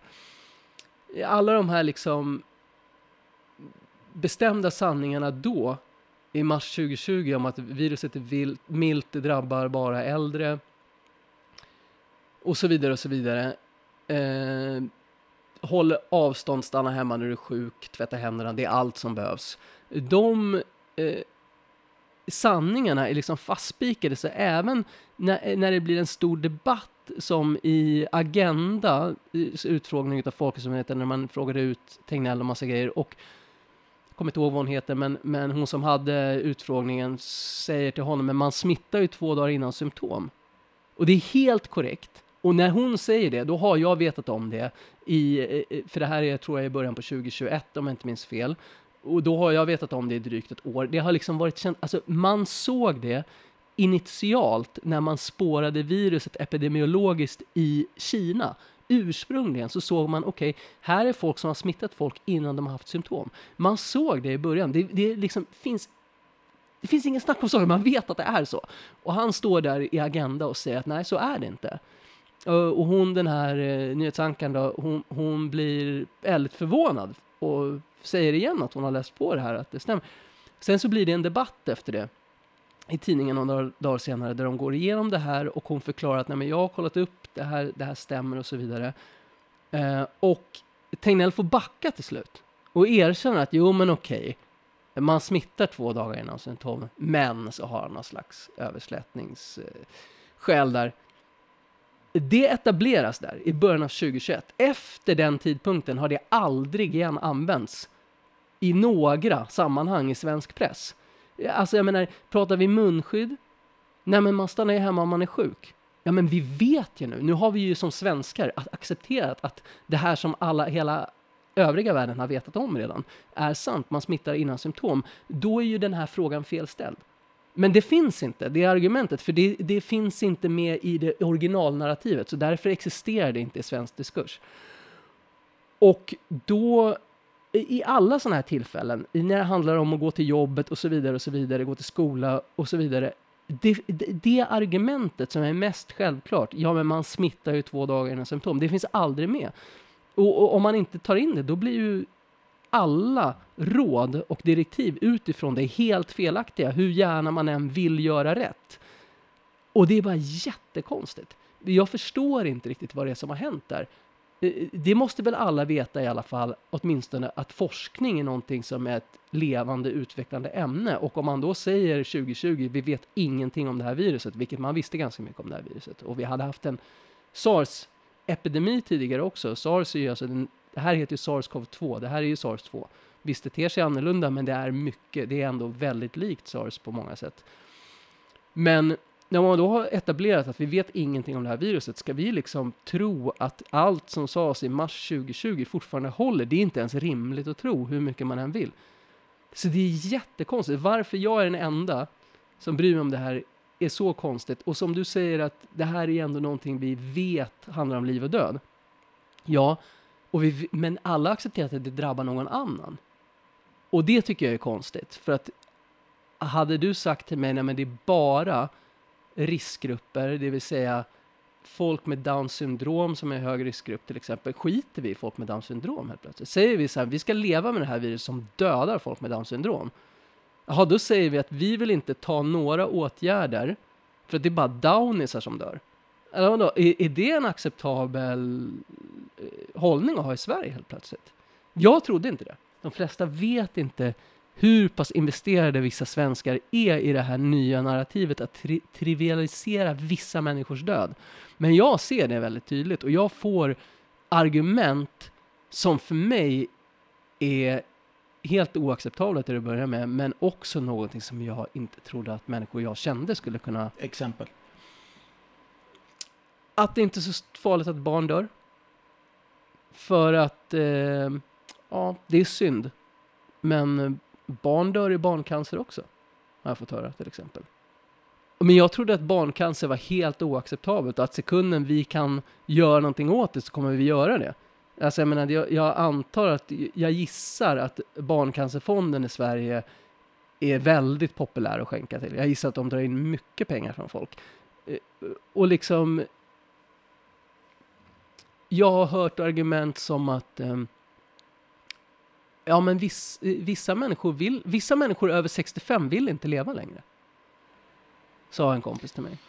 Ja, vissa människor under 65 vill inte heller leva längre, Nej, men, men de brukar göra någonting åt det på egen hand. Ja, exakt, det löser sig själv. Ja. Jag menar, hade du gett mig en spruta nu som sa så här, nu är du helt immun mot covid, du kan få det och sprida det vidare, men du kommer aldrig få några skador alls. Men de här riskgrupperna som vi har pratat om hela tiden, riskgrupper, de kommer fortfarande dö som flugor. Vi hade fortfarande använt andningsskydd i varenda jävla miljö jag hade gått in i. Jag hade fortfarande anpassat mitt liv mycket. Alltså jag menar, för mig att inte, att inte bry sig om det, när det är 25 000 människor officiellt som har dött, vilket Ja, I, I Sverige? Ja, i Sverige. Det är definitivt många fler, för att vi räknar inte många människor på, utav olika anledningar. Men, men jag tror gemene svensk tror att det är många färre. Jag tror att de tror att det är en överdriven siffra. Och också någonting jag märker när jag pratar med folk, det är ingen som vet det. Det är ingen som vet att det är 25 000 som har dött. Om du frågar någon så har de absolut ingen susning. Hur farligt är coronan idag mm. efter att vaccinet har kommit? Alltså, jag tror, alltså, det är, det är jättefarligt kan man väl säga. Men eh, alltså så här. Um, Covid kan ta sig in i alla system i kroppen. Det kan, inf det kan infektera alla dina organ. Eh, och när det gör det så skapar det skada. Liksom.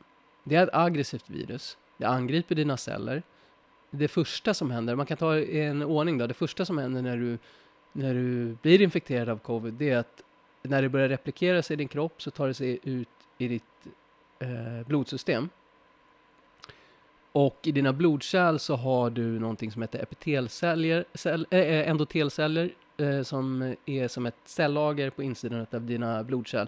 De reglerar de, de känner av och reglerar blodet så att du inte ska få blodproppar och så vidare. Och de antar att de koagulerar blod när det behövs koaguleras, typ om du får ett sår och så vidare. Men de, de har i alla fall en effekt där de mäter blodet och gör, gör olika insatser. De är fulla med S2-receptorer och ACE2-receptorerna är det som, som covid eh, fäster till. Du har också ACE2-receptorer i princip alla dina organ. Liksom. Du har väldigt mycket ACE2-receptorer i din kropp. Så det åker... Man kan säga att covid-viruset liftar till hela kroppen. Precis, via blod ur det blodomloppet, men du har ju liksom direkt ACE2 i, blod, i blodkärlen då, i de här endotelcellerna, så det första det gör är liksom att det, det infekterar direkt dina endotelceller, poppar de här cellerna då, så man gärna fyller upp dem med celler som så pop, pop, pop, poppar de och sprider ut sig, så att du förstör dina endo, eh, eh, endotelceller på insidan av utav blodkärlen, och du behöver ju dem liksom, helt enkelt för din reglering. Vi vet ju också att covid skapar mycket problem med, med koagulering och mikroproppar och så vidare.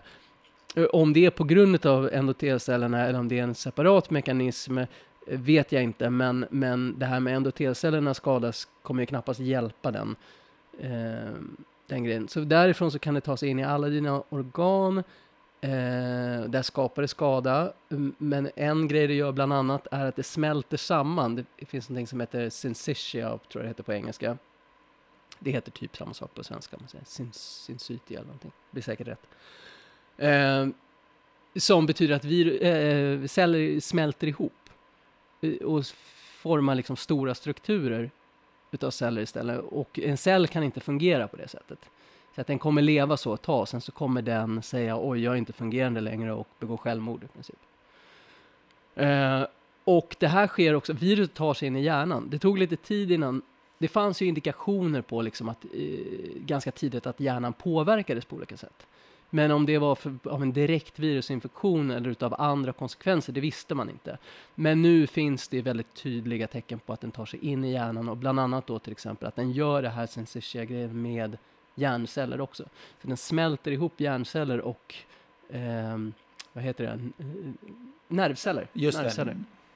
Så hjärn, jag läser ju bara på engelska. All forskning, även den svenska forskningen, är på engelska. Så att det är, är liksom...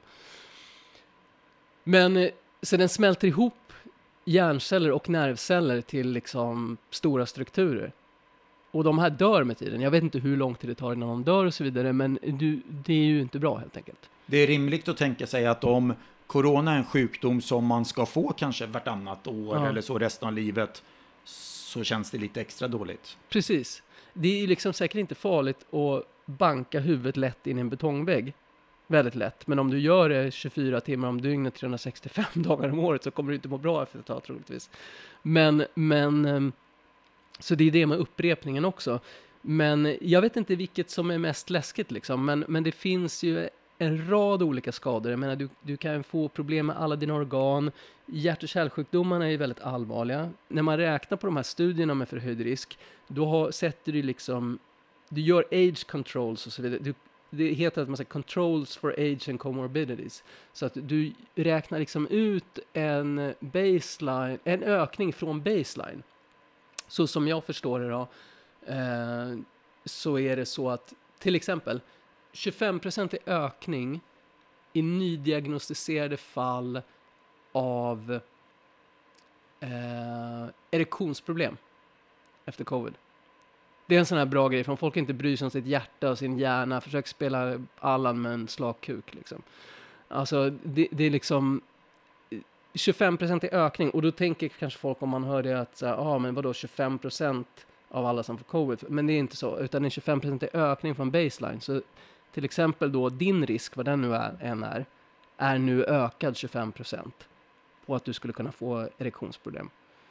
Men om jag är 65 år, rökare, alkis, som inte motionerar, då är såklart min baseline mycket högre. Men jag får fortfarande 25-procentig ökning från min höga baseline då. Det är så jag förstår alla de här, när de har gjort controls for comorbidities och age, att man tar med de här, de, och obesity och sånt kan det vara också, det, det brukar vara väldigt väl genomförda här i stora studier. Du som är, du är ganska uppdaterad på senaste forskningen. Vet forskarna vad coronapandemin kommer innebära långsiktigt? Vet experterna hur världen kommer se ut om 20-25 år, hur den allmänna hälsan kommer vara?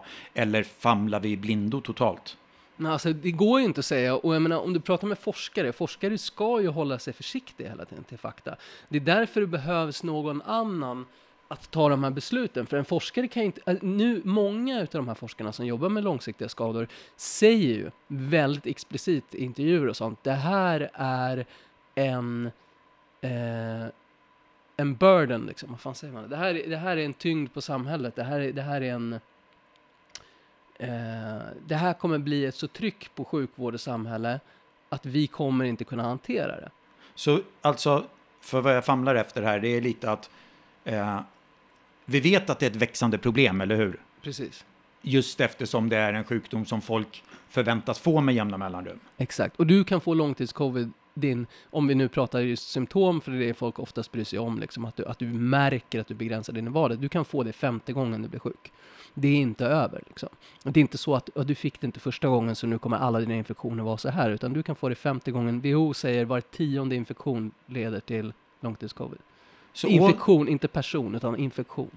så återigen, varför är vi inte som kollektiv försiktigare eller mer upprörda Mm. eller Jag tror att det är för svårt att greppa för folk. Jag tror att det är, som sagt, alla sådana här domedagskoncept, det gäller ju även eh, växthuseffekten. Alltså jag menar, det, det är ju, jag är inte så inläst på växthuseffekten, men jag skulle heller aldrig få för mig att försöka tysta någon som pratar om växthuseffekten. Det är det som är så speciellt med covid, att, att folk är liksom aktivt på mig att så här, släpp det där, var tyst, prata inte om det. Och det är det som är så konstigt, men jag tror ju liksom att det är obehaglig tanke, det är för abstrakt. Folk har uppenbarligen mycket svårare att liksom eh, se in i framtiden om man säger så, än vad jag trodde. För jag ser ofta tänker ofta framåt. Jag är inte så, jag är impulsiv och så vidare och sånt och jag tar dåliga beslut och allting sånt. Men, men jag tänker ju ändå liksom så här, oj, när jag hör det här så tänker jag okej, okay, vänta nu här, en jätteförhöjd risk av hjärt-kärlsjukdomar, en jätteförhöjd, risk, eh, en jätteförhöjd antal hjärnskador, en jätteförhöjd risk för eh, infertilitet eh, och eh, erektionsproblem. Okej, okay, jag ser ju liksom, det här är ju folk som inte kommer att må bra. Även om inte, även om liksom inte folks huvuden kommer börja explodera på stan helt plötsligt så kommer det här vara folk som inte mår bra. Även om inte alla dör, vilket jag egentligen, jag förstår inte hur alla inte skulle kunna dö av det här, upprepade infektioner från nu tills du är 60 när du hamnar i, åldersgrupp, i riskgrupp själv. Hur ska du överleva det? Liksom? Jag, jag vet inte, men låt oss säga, för att liksom inte måla fan på väggen, att ja men okej, det händer inte. Men och din partner kommer dö, dina föräldrar kommer dö, ett barn kanske kommer dö. Det är ändå barn som dör av covid. Men framför allt, du kan förlora ditt liv utan att dö. Det är det folk glömmer också. Jag menar, i långtidscovid, om vi pratar om det som koncept, det finns folk som ligger i mörka rum sen år tillbaka nu. Kan inte göra någonting. De hörs inte, de syns inte, för de kan inte medverka någonstans. De är förstörda. Och de kommer tyvärr troligtvis aldrig återhämta sig från det. Vi får hoppas att det kommer medicin för att lindra saker så att de kan ha ett okej okay liv. Liksom. Men den, den högen av människor som ligger där, liksom, den fylls ju på. För att det finns ingenting som tar bort den här risken. Den risken finns ju fortfarande. Du kan hamna där nästa gång. Du kan förlora ditt liv nästa gång utan att dö. Och de kommer inte med statistiken. Vi har liksom ingen tydlig statistik på långtidscovid och så vidare. Men den, den statistiken som finns på långtidscovid i Sverige, till exempel Novus då gjorde en undersökning eh, som sa att 1,1 miljoner svenskar hade någon form av eh, symptom efter covid och 500 000 av dem hade haft det i mer än ett år. Och 100 000 av de 500 000 eh, hade symptom som eh, kraftigt begränsade deras vardag. Okej, okay. men säg okej, okay. och den här eh, studien kom i slutet av 2022. Så två år in i pandemin. Eh, Okej, okay, men ska vi ha 100 000 personer som är kraftigt begränsade i sin vardag och som uppenbarligen inte blivit eh, friska då på, på mer än ett år. Ska vi ha 100 000 eventuellt permanent kraftigt långtidssjuka, kan inte jobba. 100 000 var tredje år, om vi bara sk skulle säga att det håller exakt samma eh, frekvens. Så att ingen av de här andra, självklart så kommer det bli mer för att de här andra som är sjuka i långtidscovid, de kommer smittas igen och vad händer då? De blir inte bättre utav det. Vi vet redan att om du har långtidscovid och blivit bättre, då hamnar du rätt tillbaka igen när du blir sjuk igen. Eh, oftast. Och grejen är så att, okej, okay, 100 000 pers var tredje år minst då, som inte kan jobba ordentligt. De människorna kommer också behöva assistans. Det kommer krävas resurser till det vad är det för samhälle som jag menar, om man nu är rädd över att detaljhandeln stänger några veckor under 2020, liksom, om man tycker att det är liksom den värsta tyrannin som finns. Vad kommer hända med samhället när folk inte kan jobba då? Och folk behöver tas hand om. Och vad kommer hända med, med folk som är oproduktiva eh, och eh, är multisjuka på grund av covid? I ett samhälle som har bestämt sig för att oproduktiva människor, det vill säga äldre människor eh, eller folk som har eh, olika funktionshinder och så vidare, de kan dö. Eh, utan, eh, till och med, de kan dö ehm, de kan, de kan dö i, utav någonting som vi hade kunnat förhindra. Eh, de kan dö för att vi ska ha vår bekvämlighet kvar. Eh, och inte, inte påverka ekonomin. Folk var ju väldigt mycket med på det här att vi får inte störa ekonomin. Det är så himla viktigt att inte störa ekonomin. Okej, okay, men vad händer när vi har hundratusentals människor som är så pass sjuka att de knappt kan lämna hemmet? Eh, och deras medicin, när den finns, vad kommer den kosta? Alltså så här, ja, okej, okay, vi får hoppas att Big Pharma går pro bono här och bara kör liksom helt, det kan ju ske. Det kan ske för att det är en så pass allvarlig grej. Alltså jag menar, det, jag tror AstraZeneca inte tjänade pengar på sitt vaccin till exempel. Um, Men, men, eh, så jag menar, det kan ske. Men vad gör vi annars då om det här kostar massa pengar? Eh, och så vidare. Vi har redan accepterat att vissa människor kan dö och det är inte så farligt. Det är skönare för dem. Vi har ju bestämt oss för att de här människorna som bodde på ålderdomshem och så vidare, det är nästan en befrielse för dem att dö. De dör tidigare än, de skulle ändå dö. Det är det man säger liksom. De, de fick en för tidigare lagd död och det är inte hela världen tycker man. Okej, men vad gör vi med de här människorna? De kommer inte vara värda någonting i ett sånt samhälle. Och det är vi allihopa när vi blir äldre. Precis. Alltså för vi, vi, klockan går, Exakt. Och vi blir bara, äldre. Precis, så bara den, bara den förutsättningen att vi kunde skita i de som vi kommer vara i framtiden. Och oundvikligen, vi kommer alla vara äldre, vi kommer alla vara, ha räknats till den riskgruppen. Vi, de betyder ingenting, det vill säga vi kommer inte betyda någonting när vi är där. Men nu kommer vi ha massa barn som har de här symptomen. För det är det folk inte förstått heller, att det här drabbar ju barn. Eh, och de långsiktiga skadorna syns redan på, på populationen i form av barn. I, till exempel i diabetes har gått upp jättemycket. Det är någon så här 50 eller 100 procent, jag kommer inte ihåg. I USA en studie som visar liksom att eh, eh dubblerad risk i princip eh, efter covid-infektion upp till, jag tror att de mätte nio månader och risken såg i princip likadan ut efter nio månader så kan jag gissa på att den fortsätter likadant. Med nydiagnostiserad ökning utan nydiagnostiserad eh, diabetes typ 1. Eh, och jag menar, den risken fortsätter. Vi kommer ju ha liksom barn som är sjuka. Vi kommer ha barn som inte får uppleva det du och jag upplevde. Liksom. De kommer inte vara friska i 20-årsåldern. Säg att du föddes under pandemin och så ska du leva med det här varje år. Mm. Och så har man haft det tio gånger innan man har fyllt 20. Precis. Du gjorde jämförelse med klimatkrisen, att det kanske är svårt att ta in det för folk. Att det kanske är därför som, som folk ignorerar farorna.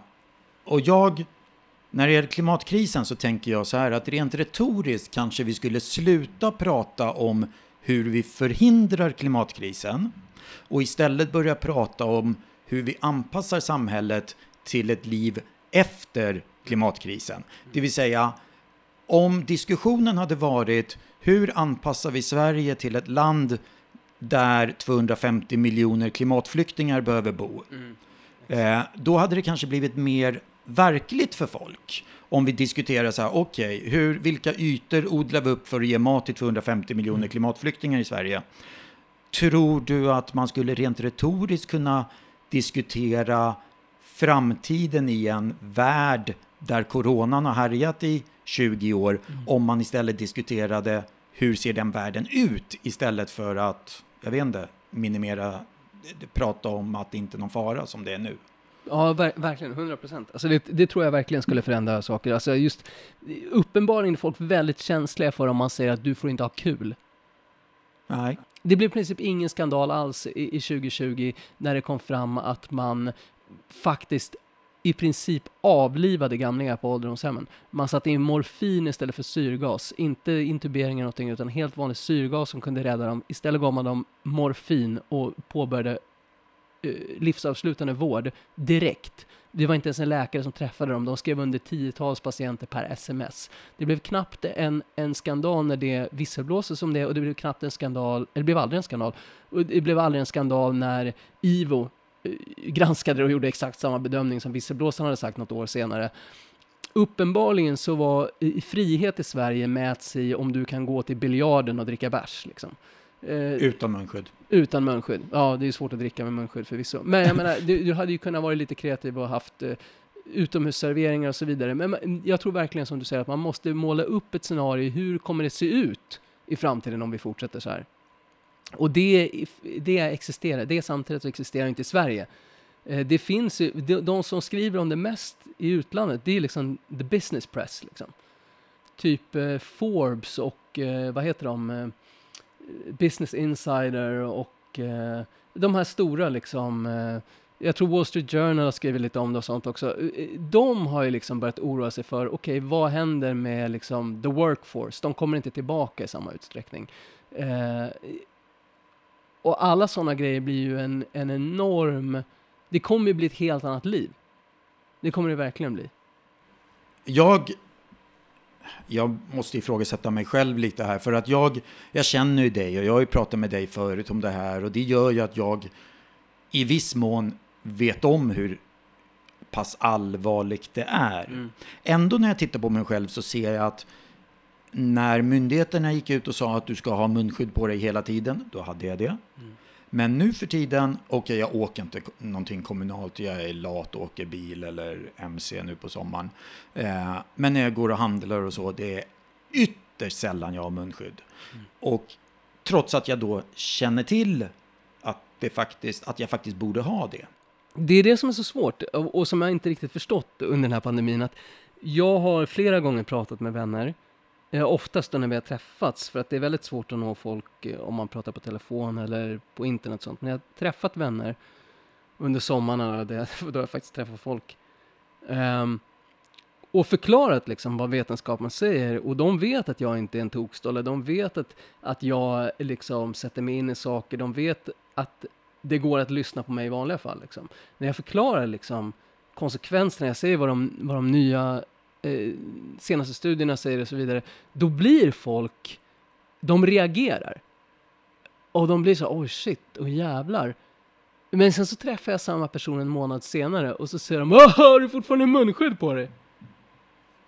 Vi Och gillar att ha kul i Sverige, är det så? Och- Som du sa förut. Det är så himla konstigt. Det är liksom som att, på något sätt, som jag sa tidigare också med det här med, det vi bestämde oss för 2020 var sanningen, det är liksom, det, det bara ströks på människors hjärnor och sen så liksom behandlade vi med ett lager teflon efter det. Så att bara allting man säger som går emot det, det, det, det liksom, det ligger och steker där en liten stund, men sekunder man samtalet är över så rinner det bara bort. Och det finns liksom inte kvar. Och, och det går inte att nå folk. Liksom. Det, för det är så många lager med liksom miss och desinformation som man först måste gå igenom. Och sen så när man väl gått igenom alla de lagren och förklarat för någon, då är det bortglömt en timme senare ändå.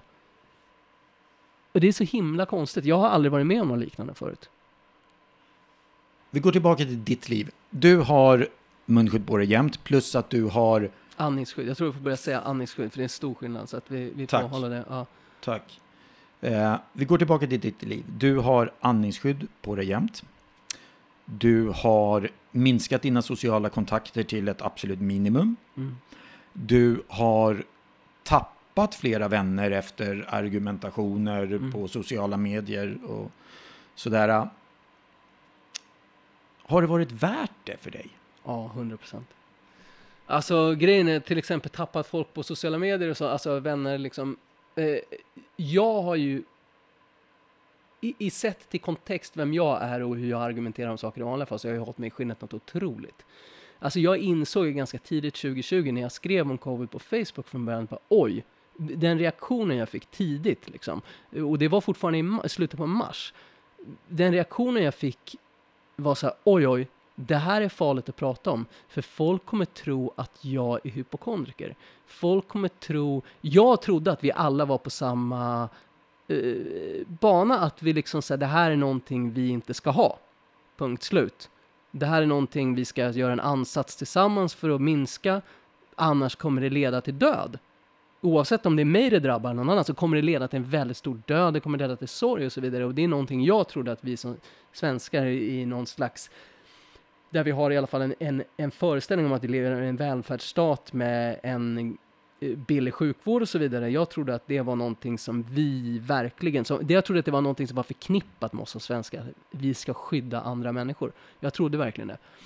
Och så märkte jag så fort att eh, folk tyckte att jag var hispig när jag skrev om någonting. Och då kände jag så här, oj oj shit, jag kan inte skriva om det här på min egna Facebook. Så att jag gick in i lite grupper och sånt och bråkade för att, för att få skrika av mig lite grann. Men, men jag höll mig liksom väldigt low key i början på, media, eh, på sociala medier. Eh, och sen så liksom ibland så sprack det bara upp och jag orkade inte. Jag var tvungen att skriva att alla var dumma i huvudet och sånt. Liksom. Och, och, och sånt. Men jag har ju också försökt vädja väldigt mycket till folks empati. Liksom. Jag har skrivit många grejer om att liksom hur ska det här, redan då tidigt så skrev jag liksom, hur ska det här fungera?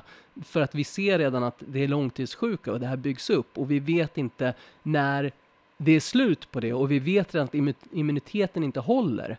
Alltså, allt det här var klart väldigt tidigt och jag skrev det liksom så här, om vi har skolor öppna, om, om vi har högt tryck på sjukvården hela tiden, det här är människorna som framförallt kommer bli sjuka, lärare och läkare. Och det är liksom inte bara floskelmässigt sagt säga att det är någonting av det viktigaste vi har, förstå vad det innebär att förlora den här personalgruppen. Det här är människor som dels liksom sökt sig till en lång utbildning för att det här är någonting de vill göra till att börja med, vilket är, är ganska viktigt att ha. Liksom. Det är ju de man vill ha. Men sen så har de gått igenom en ny utbildning. Om de dör hux flux eller bara inte kan komma tillbaka till jobbet eller bara kan jobba 50-30 procent då har ju vi ett problem som vi inte bara kan åtgärda så där genom att anställa nya, utan vi måste utbilda nya människor. Eh, och jag menar, gör vi det hafsigt då, och, och, och, tar vi folk som egentligen kanske inte ens ville jobba med det, då kommer vi få en sämre sjukvård och skola. Liksom. Och det säger sig själv att bara det skulle ha långsiktiga konsekvenser. Så det finns många sådana här lager med liksom hur det kommer påverka samhället. Men, men jag, då var det ju många som blev arga på mig liksom, när jag skrev de här grejerna. De åtgärder som du vidtar i ditt liv, som du lever med idag, Gör du det mest för din egen skull eller gör du det mest för andras skull? I början var det 50-50 skulle jag säga.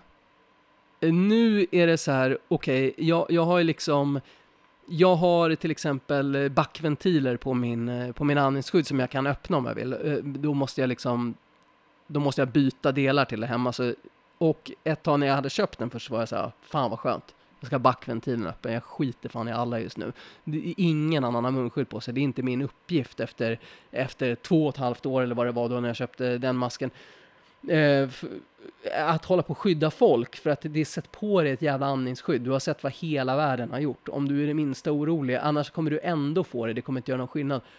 Så jag öppnade de där backventilerna och sen så drömde jag mardrömmar om att jag smittade andra människor. Men Sen så har jag igen hunnit bli lite cynisk igen. Så till exempel när jag går på festsammanhang som jag gör nu under sommaren en del, då går jag på raves och sånt. Jag går på utomhusfester framför allt. Sen så har jag tagit några risker. där jag har varit bestämt mig för att okej, okay, det är ganska låg smitta. Jag behöver umgås, jag tänker gå på en hemmafest utan munskydd och så vidare. Jag har gjort det några gånger och jag, inte många gånger dock under tre och ett halvt år. Jag har också gått på klubb utan munskydd på stor klubb i Barcelona. Jag har rest två gånger.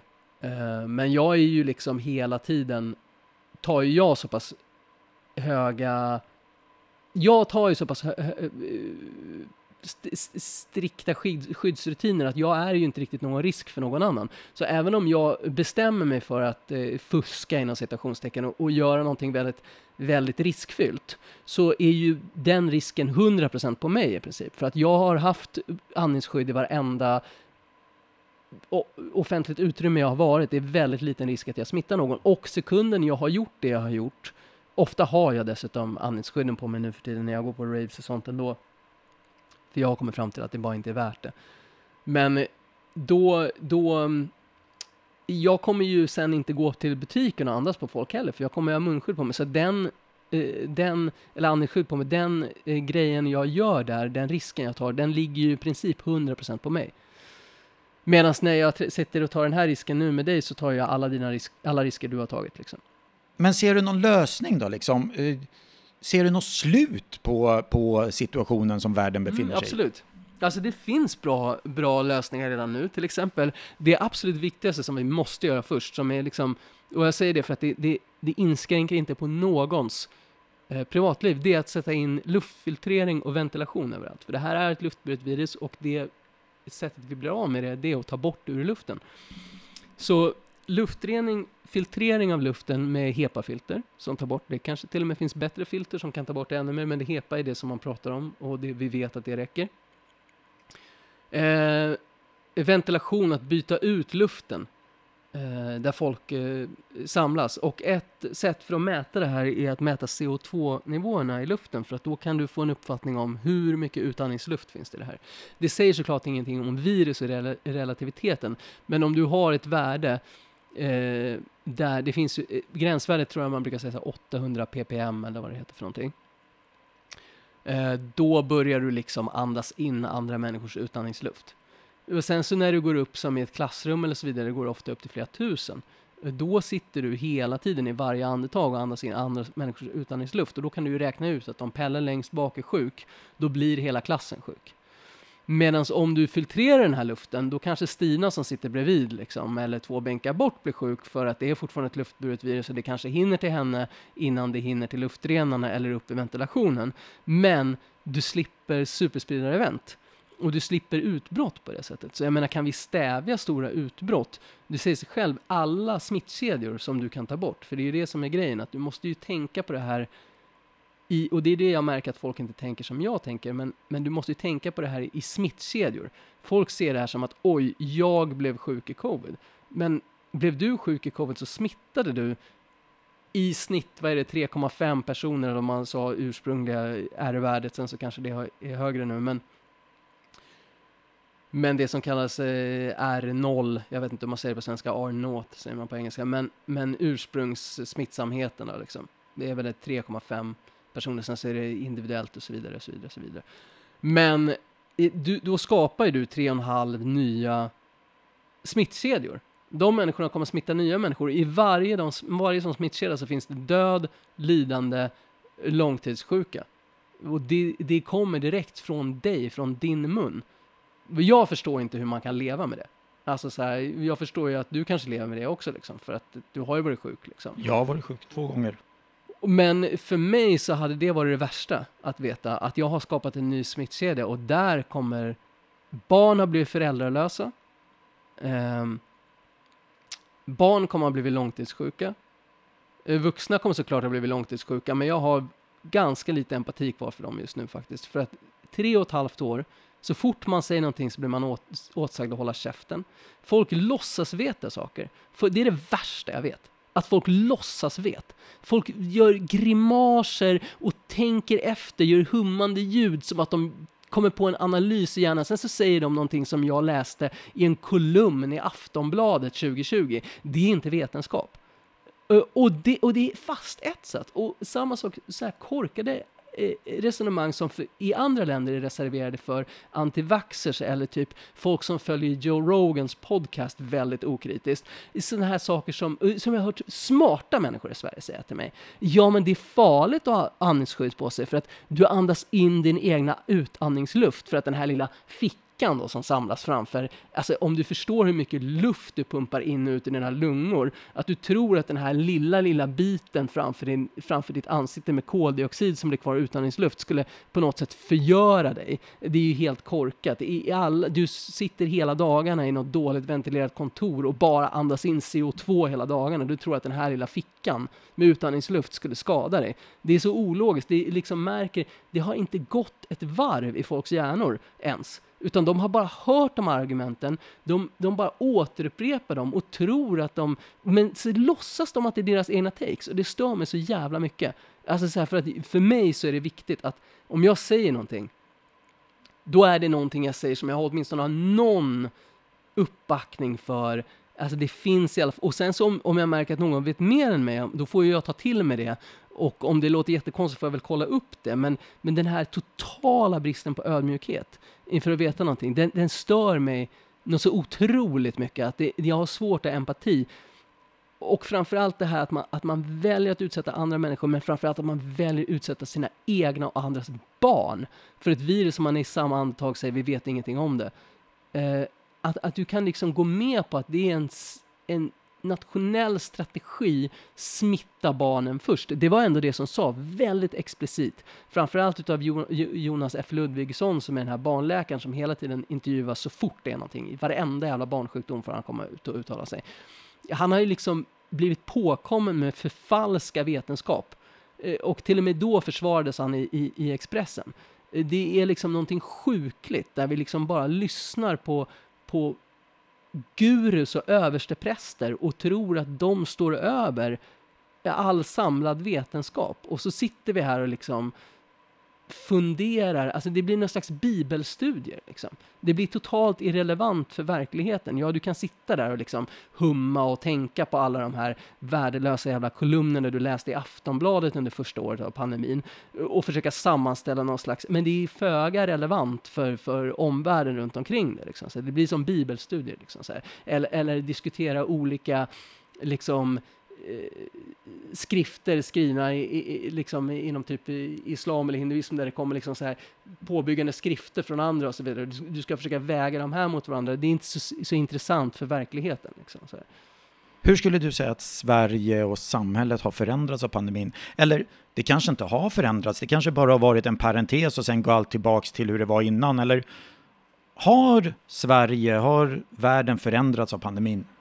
Alltså jag funderar mycket på hur mycket som var liksom latent liggande där, alltså just jag tänker på de här attityderna eh, kring andra människors lidande. Hur mycket av det som var latent alltid hos folk eh, och bara inte sas och hur mycket som liksom är någon slags ny insikt som folk har tagit till sig för att det är en effektiv försvarsmekanism. Eh, och jag vet inte riktigt. Jag skulle vilja säga att journalistiken inte beter sig som normalt. Det är någonting konstigt som har hänt som gör att scoops, liksom, scoop, riktiga scoop som är liksom, eh, det här är ju bra att skriva om för om du vill sälja, om du vill göra bra journalistik. Eh, man hoppar över dem, till och med lågt hängande frukt, liksom jätteenkla saker att skriva om, det hoppar man över utav någon anledning. Eh, och, och, där finns en förändring som jag är väldigt orolig för, som jag tycker är konstig. Coronapandemin har synliggjort en sorts egoism i samhället. Mm, helt klart. Det kan man konstatera, menar du? Ja, men jag tror också att det har fött en egoism som inte fanns där innan. Jag, man, på något sätt, jag tror inte att om man hade frågat folk tidigare om vad mänskliga rättigheter var eller vad som innebär att leva ett totalitärt samhälle så tror inte jag att de hade sagt att stänger man krogarna eh, för att skydda folk från ett farligt virus så är det liksom totalit, to, to, totalitarism. Liksom. Ja. Jag tror inte folk hade sagt det tidigare. Nej, Men, definitionen av vad ett totalitärt samhälle är har minst, så att säga, begränsats. Precis, friheten har blivit någonting som handlar om att eh, eh, ha kul och att man ska få konsumera på hur så mycket man vill och att man ska få göra vad man vill efter jobbet. Eh, alltså det, det är liksom jag tror att det är nytt, men framförallt också tror jag att eh, det finns ett sätt att resonera kring covid som vi inte hade resonerat kring någonting annat och kanske fortfarande inte hade resonerat kring någonting annat. Till exempel en vän eh, sa till mig när jag sa i början att det var sjukt att krogarna fortfarande var öppna. Att eh, han inte tyckte att de som hade dött, även om det var ett högt antal, så han, han slog ut det på hur många människor som dör på ett år i Sverige. Och det är lite konstigt, för då blir ju alla dödsorsaker väldigt små. Liksom. Men då sa jag, men jag lovar dig att, eh, eller jag googlade lite snabbt hur många som dör i rattfylla eh, per år. Och jag kommer inte ihåg hur många det är, men det är ett väldigt lågt antal. Och det är ju såklart för att vi inte accepterat att köra rattfull i Sverige också, som håller det talet lågt. Men jag menar, jag är rätt säker på att även om alla började köra rattfulla så hade det talet, det hade inte gått upp super, det kanske hade dubblerat, men det är så himla lågt redan som det Jag kommer inte ihåg vad det är, men jag tror att det är liksom, det, det är i alla fall ett tvåsiffrigt tal som max liksom. Uh, låt säga att, det, att det, det, hade dubblerats eller tripplats eller tiodubblats till och med. Det är fortfarande en försvinnande liten del som, dör, som hade dött i rattfylleolyckor jämfört med hur många som dör i covid. Så varför, om vi kan ha krogarna öppet under en pandemi med ett livsfarligt luftburet virus, varför kan vi inte få köra hem fulla också då? Alltså vad, vad är det? Om, vi nu, om det här nu handlar om frihet, fan ska du få säga åt mig att jag inte får köra hem efteråt? Det får väl jag bedöma själv. Alla, om man köper den parollen som Folkhälsomyndigheten har kört, det är upp till alla att bedöma ja men okej, då kan väl jag få bedöma min förmåga att köra bil hem full. Det är ju en spottstyvel som kommer dö av det. Jag menar, troligtvis så kan jag köra full majoriteten av mitt liv utan att ha ihjäl någon. Det är säkert sant för väldigt många människor. Liksom. Det kan jag hålla med om. Det kan jag hålla med om. Du, eh, jag tänkte jag skulle runda av det här. Eh, har jag missat att fråga något? Är det något du skulle vilja tillägga? Massa saker. En grej som var intressant med det här med mejlen som raderades, det var ju också att Tegnell tillåts eh, ljuga, om, även om det är ganska oifrågasatt i eh, Aftonbladet tror jag det var. För det var bland annat de som rapporterade om det. Eh, där han sa att, eh, han påstod att han inte mindes om han hade raderat några mejl eller inte. Och det är ju liksom, Folkhälsomyndigheten själva sa att han hade gallrat bland mejlet. Det får man inte göra. Han påstod då att han inte mindes om han hade raderat dem, vilket uppenbarligen är en lögn. Om du då har en person i maktposition som så lättvindigt ljuger för att ta sig ur jobbiga situationer, tror du inte att den personen ljuger om andra saker då? Det är en rimlig tanke. Ja. Och det är det som är konstigt, att det flyger över huvudet på folk, eh, eh, oavsett om vi pratar om journalister eller vanliga människor. Den här människan ljuger i flera sammanhang. Okej, okay, så vi har en person som ljuger väldigt lättvindigt. Samma sak med den här med sågoljan, sågkedjeoljan. Det går väldigt enkelt att kolla upp att det inte är sant. Eh, han säger väldigt självklart att det är en bestämmelse som är så, uppenbarligen ljuger han. Eller så är han liksom väldigt världsfrånvänd där han får för sig saker som inte är sanna och det är nästan mer oroväckande. Liksom. Ja, det, det låter som slentrianlögn tycker jag. Precis, det, det är det liksom alla människor vid sina sinnesfulla bruk kan hålla med om, att det där är lögner. Okej, okay, så han ljuger om saker, det är uppenbarligen inte en människa att lita på, det är uppenbarligen en människa att ställa fler följdfrågor till, det sker aldrig. Eh, det jag tror har skett överlag med den svenska coronahanteringen är ju liksom att Folkhälsomyndigheten har ett, trott på massa saker genuint som inte är sanna. Eh, de har trott på väldigt mycket konstiga grejer, det syns i deras mejl om man läser och så vidare. De har samtidigt vetat om väldigt tidigt att det är en luftburen smitta. Eh, det säger de initialt i sina mejl när de diskuterar strategi, så säger Giesecke det går inte att stoppa en luftburen smitta. De har aldrig yttrat det eh, offentligt, att det är en luftburen smitta de trodde på massa grejer, men sen så var de också redo att ljuga för att de, eh, de trodde väldigt hårt på den här flockimmuniteten. De insåg direkt att det här är inte någonting vi kan säga riktigt. Och Tegnell säger det i en tidig intervju i, i början av mars där någon gång, så säger han i en intervju med äh, Aftonbladet om jag inte minns fel, så säger han att äh, han pratar om England som då vid det tillfället har en ganska uttalad flockimmunitetsstrategi. Um, och säger att det är det enda rimliga. Det är dit vi ska också. Men vi kallar det inte för flockimmunitet, för då låter det som att man har gett upp. Ja. Så det, det, han erkänner ju där initialt att det här är bara semantik. Det är hit vi ska, det är det som är det viktiga. Med andra ord, det är målet med vår strategi. Och med facit i hand vet vi dessutom att man blir inte immun. Precis, precis. Och som sagt, det kom ju redan tidigt där studier som visade att andra coronavirus lämnade ingen ihållande immunitet.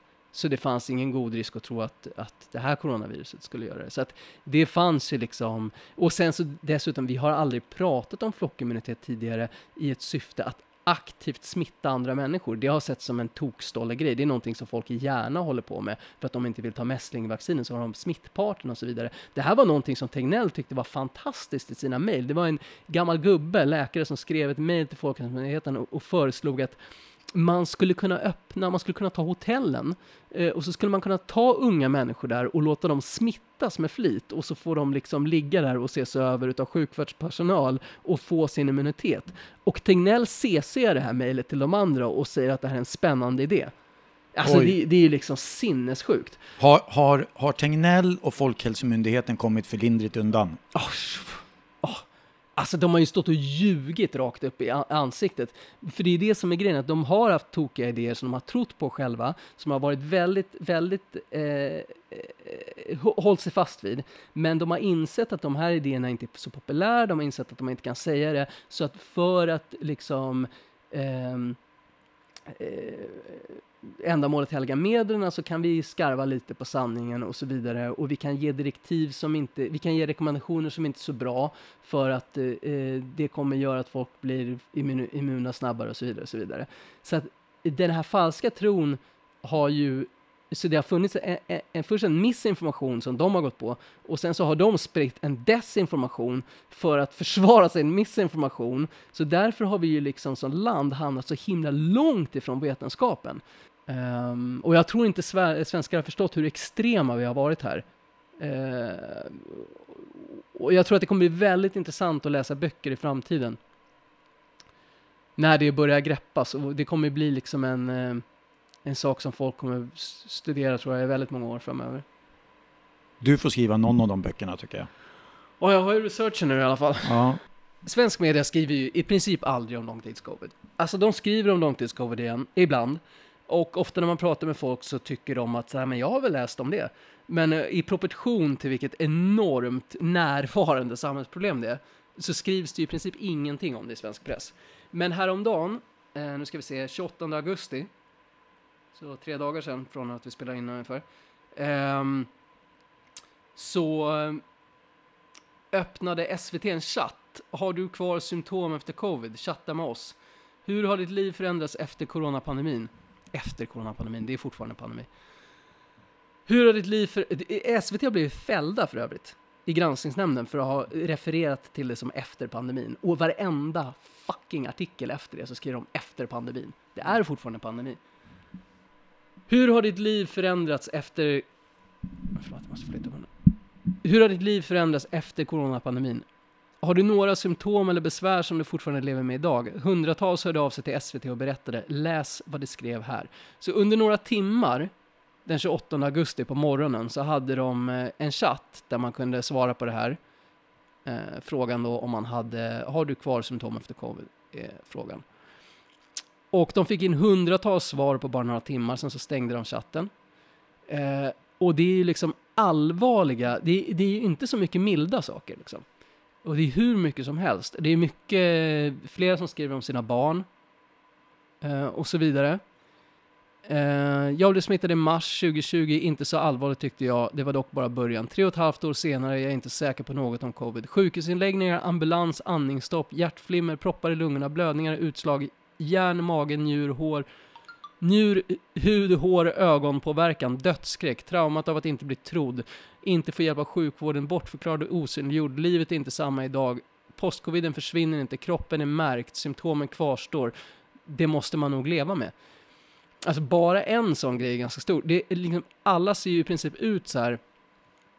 Dotter 15 år, fått bestående problem med ögon efter covid, har covid 3, haft covid tre gånger, får ju inget vaccin i Sverige. Vaccinet är godkänt från sex månader. Vi har vaccinerat från 12 år, eh, men det är inte så många vaccinerade i den åldersgruppen och numera får man inte vaccin om man är under 18 haft covid tre gånger, får ju inget vaccin i Sverige. Eh, hon är mycket orolig över nästa covid-infektion som säkert kommer när som helst. Eh, med alla klasskompisar som hostar hela dagarna. Hon fick synbortfall andra coviden. Lever nu med ögonvärk som kommer och går, aldrig haft innan covid.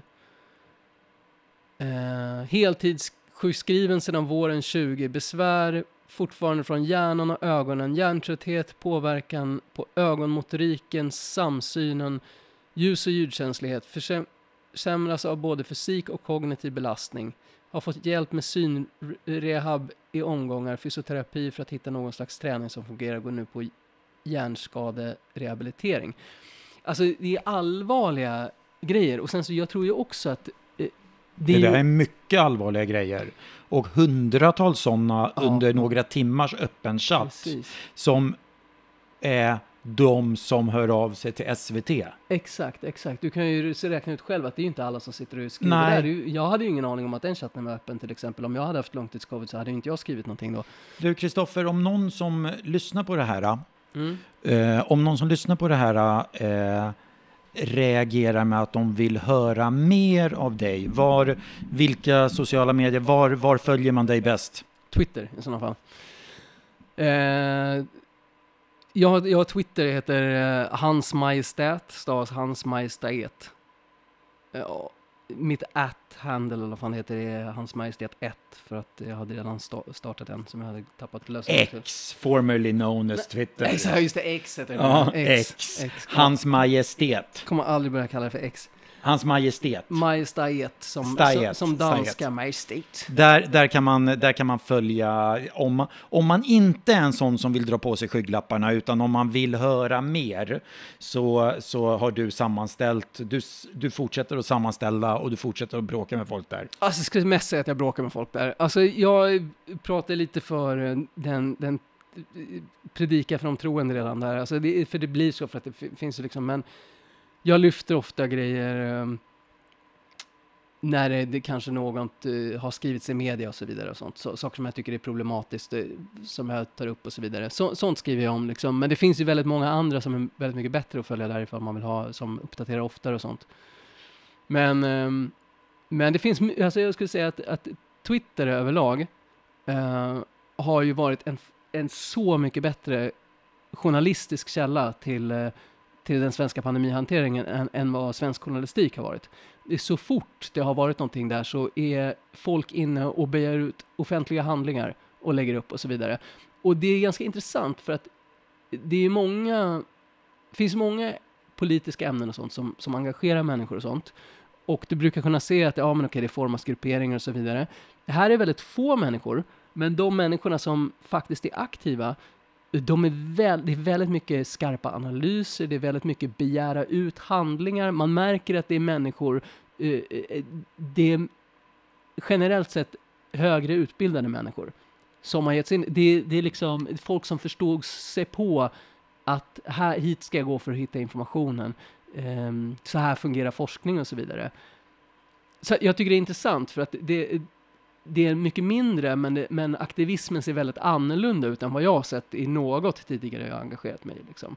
Eh, det finns väldigt tätt av liksom människor som gör saker som kanske inte ens skulle uh, andra människor ens skulle tänka på, liksom. för de vet inte om hur man begär ut offentliga handlingar och så vidare. Men här är liksom en högutbildad, till stor del, inte jag då, eh, crowd som liksom gör saker annorlunda helt enkelt. Coolt. Kristoffer, tack så hemskt mycket. Det har varit king att prata med dig. Stort tack för det. Ja, tack som fan för att jag fick vara med och inviga den här. Spännande liksom. Ja, tack.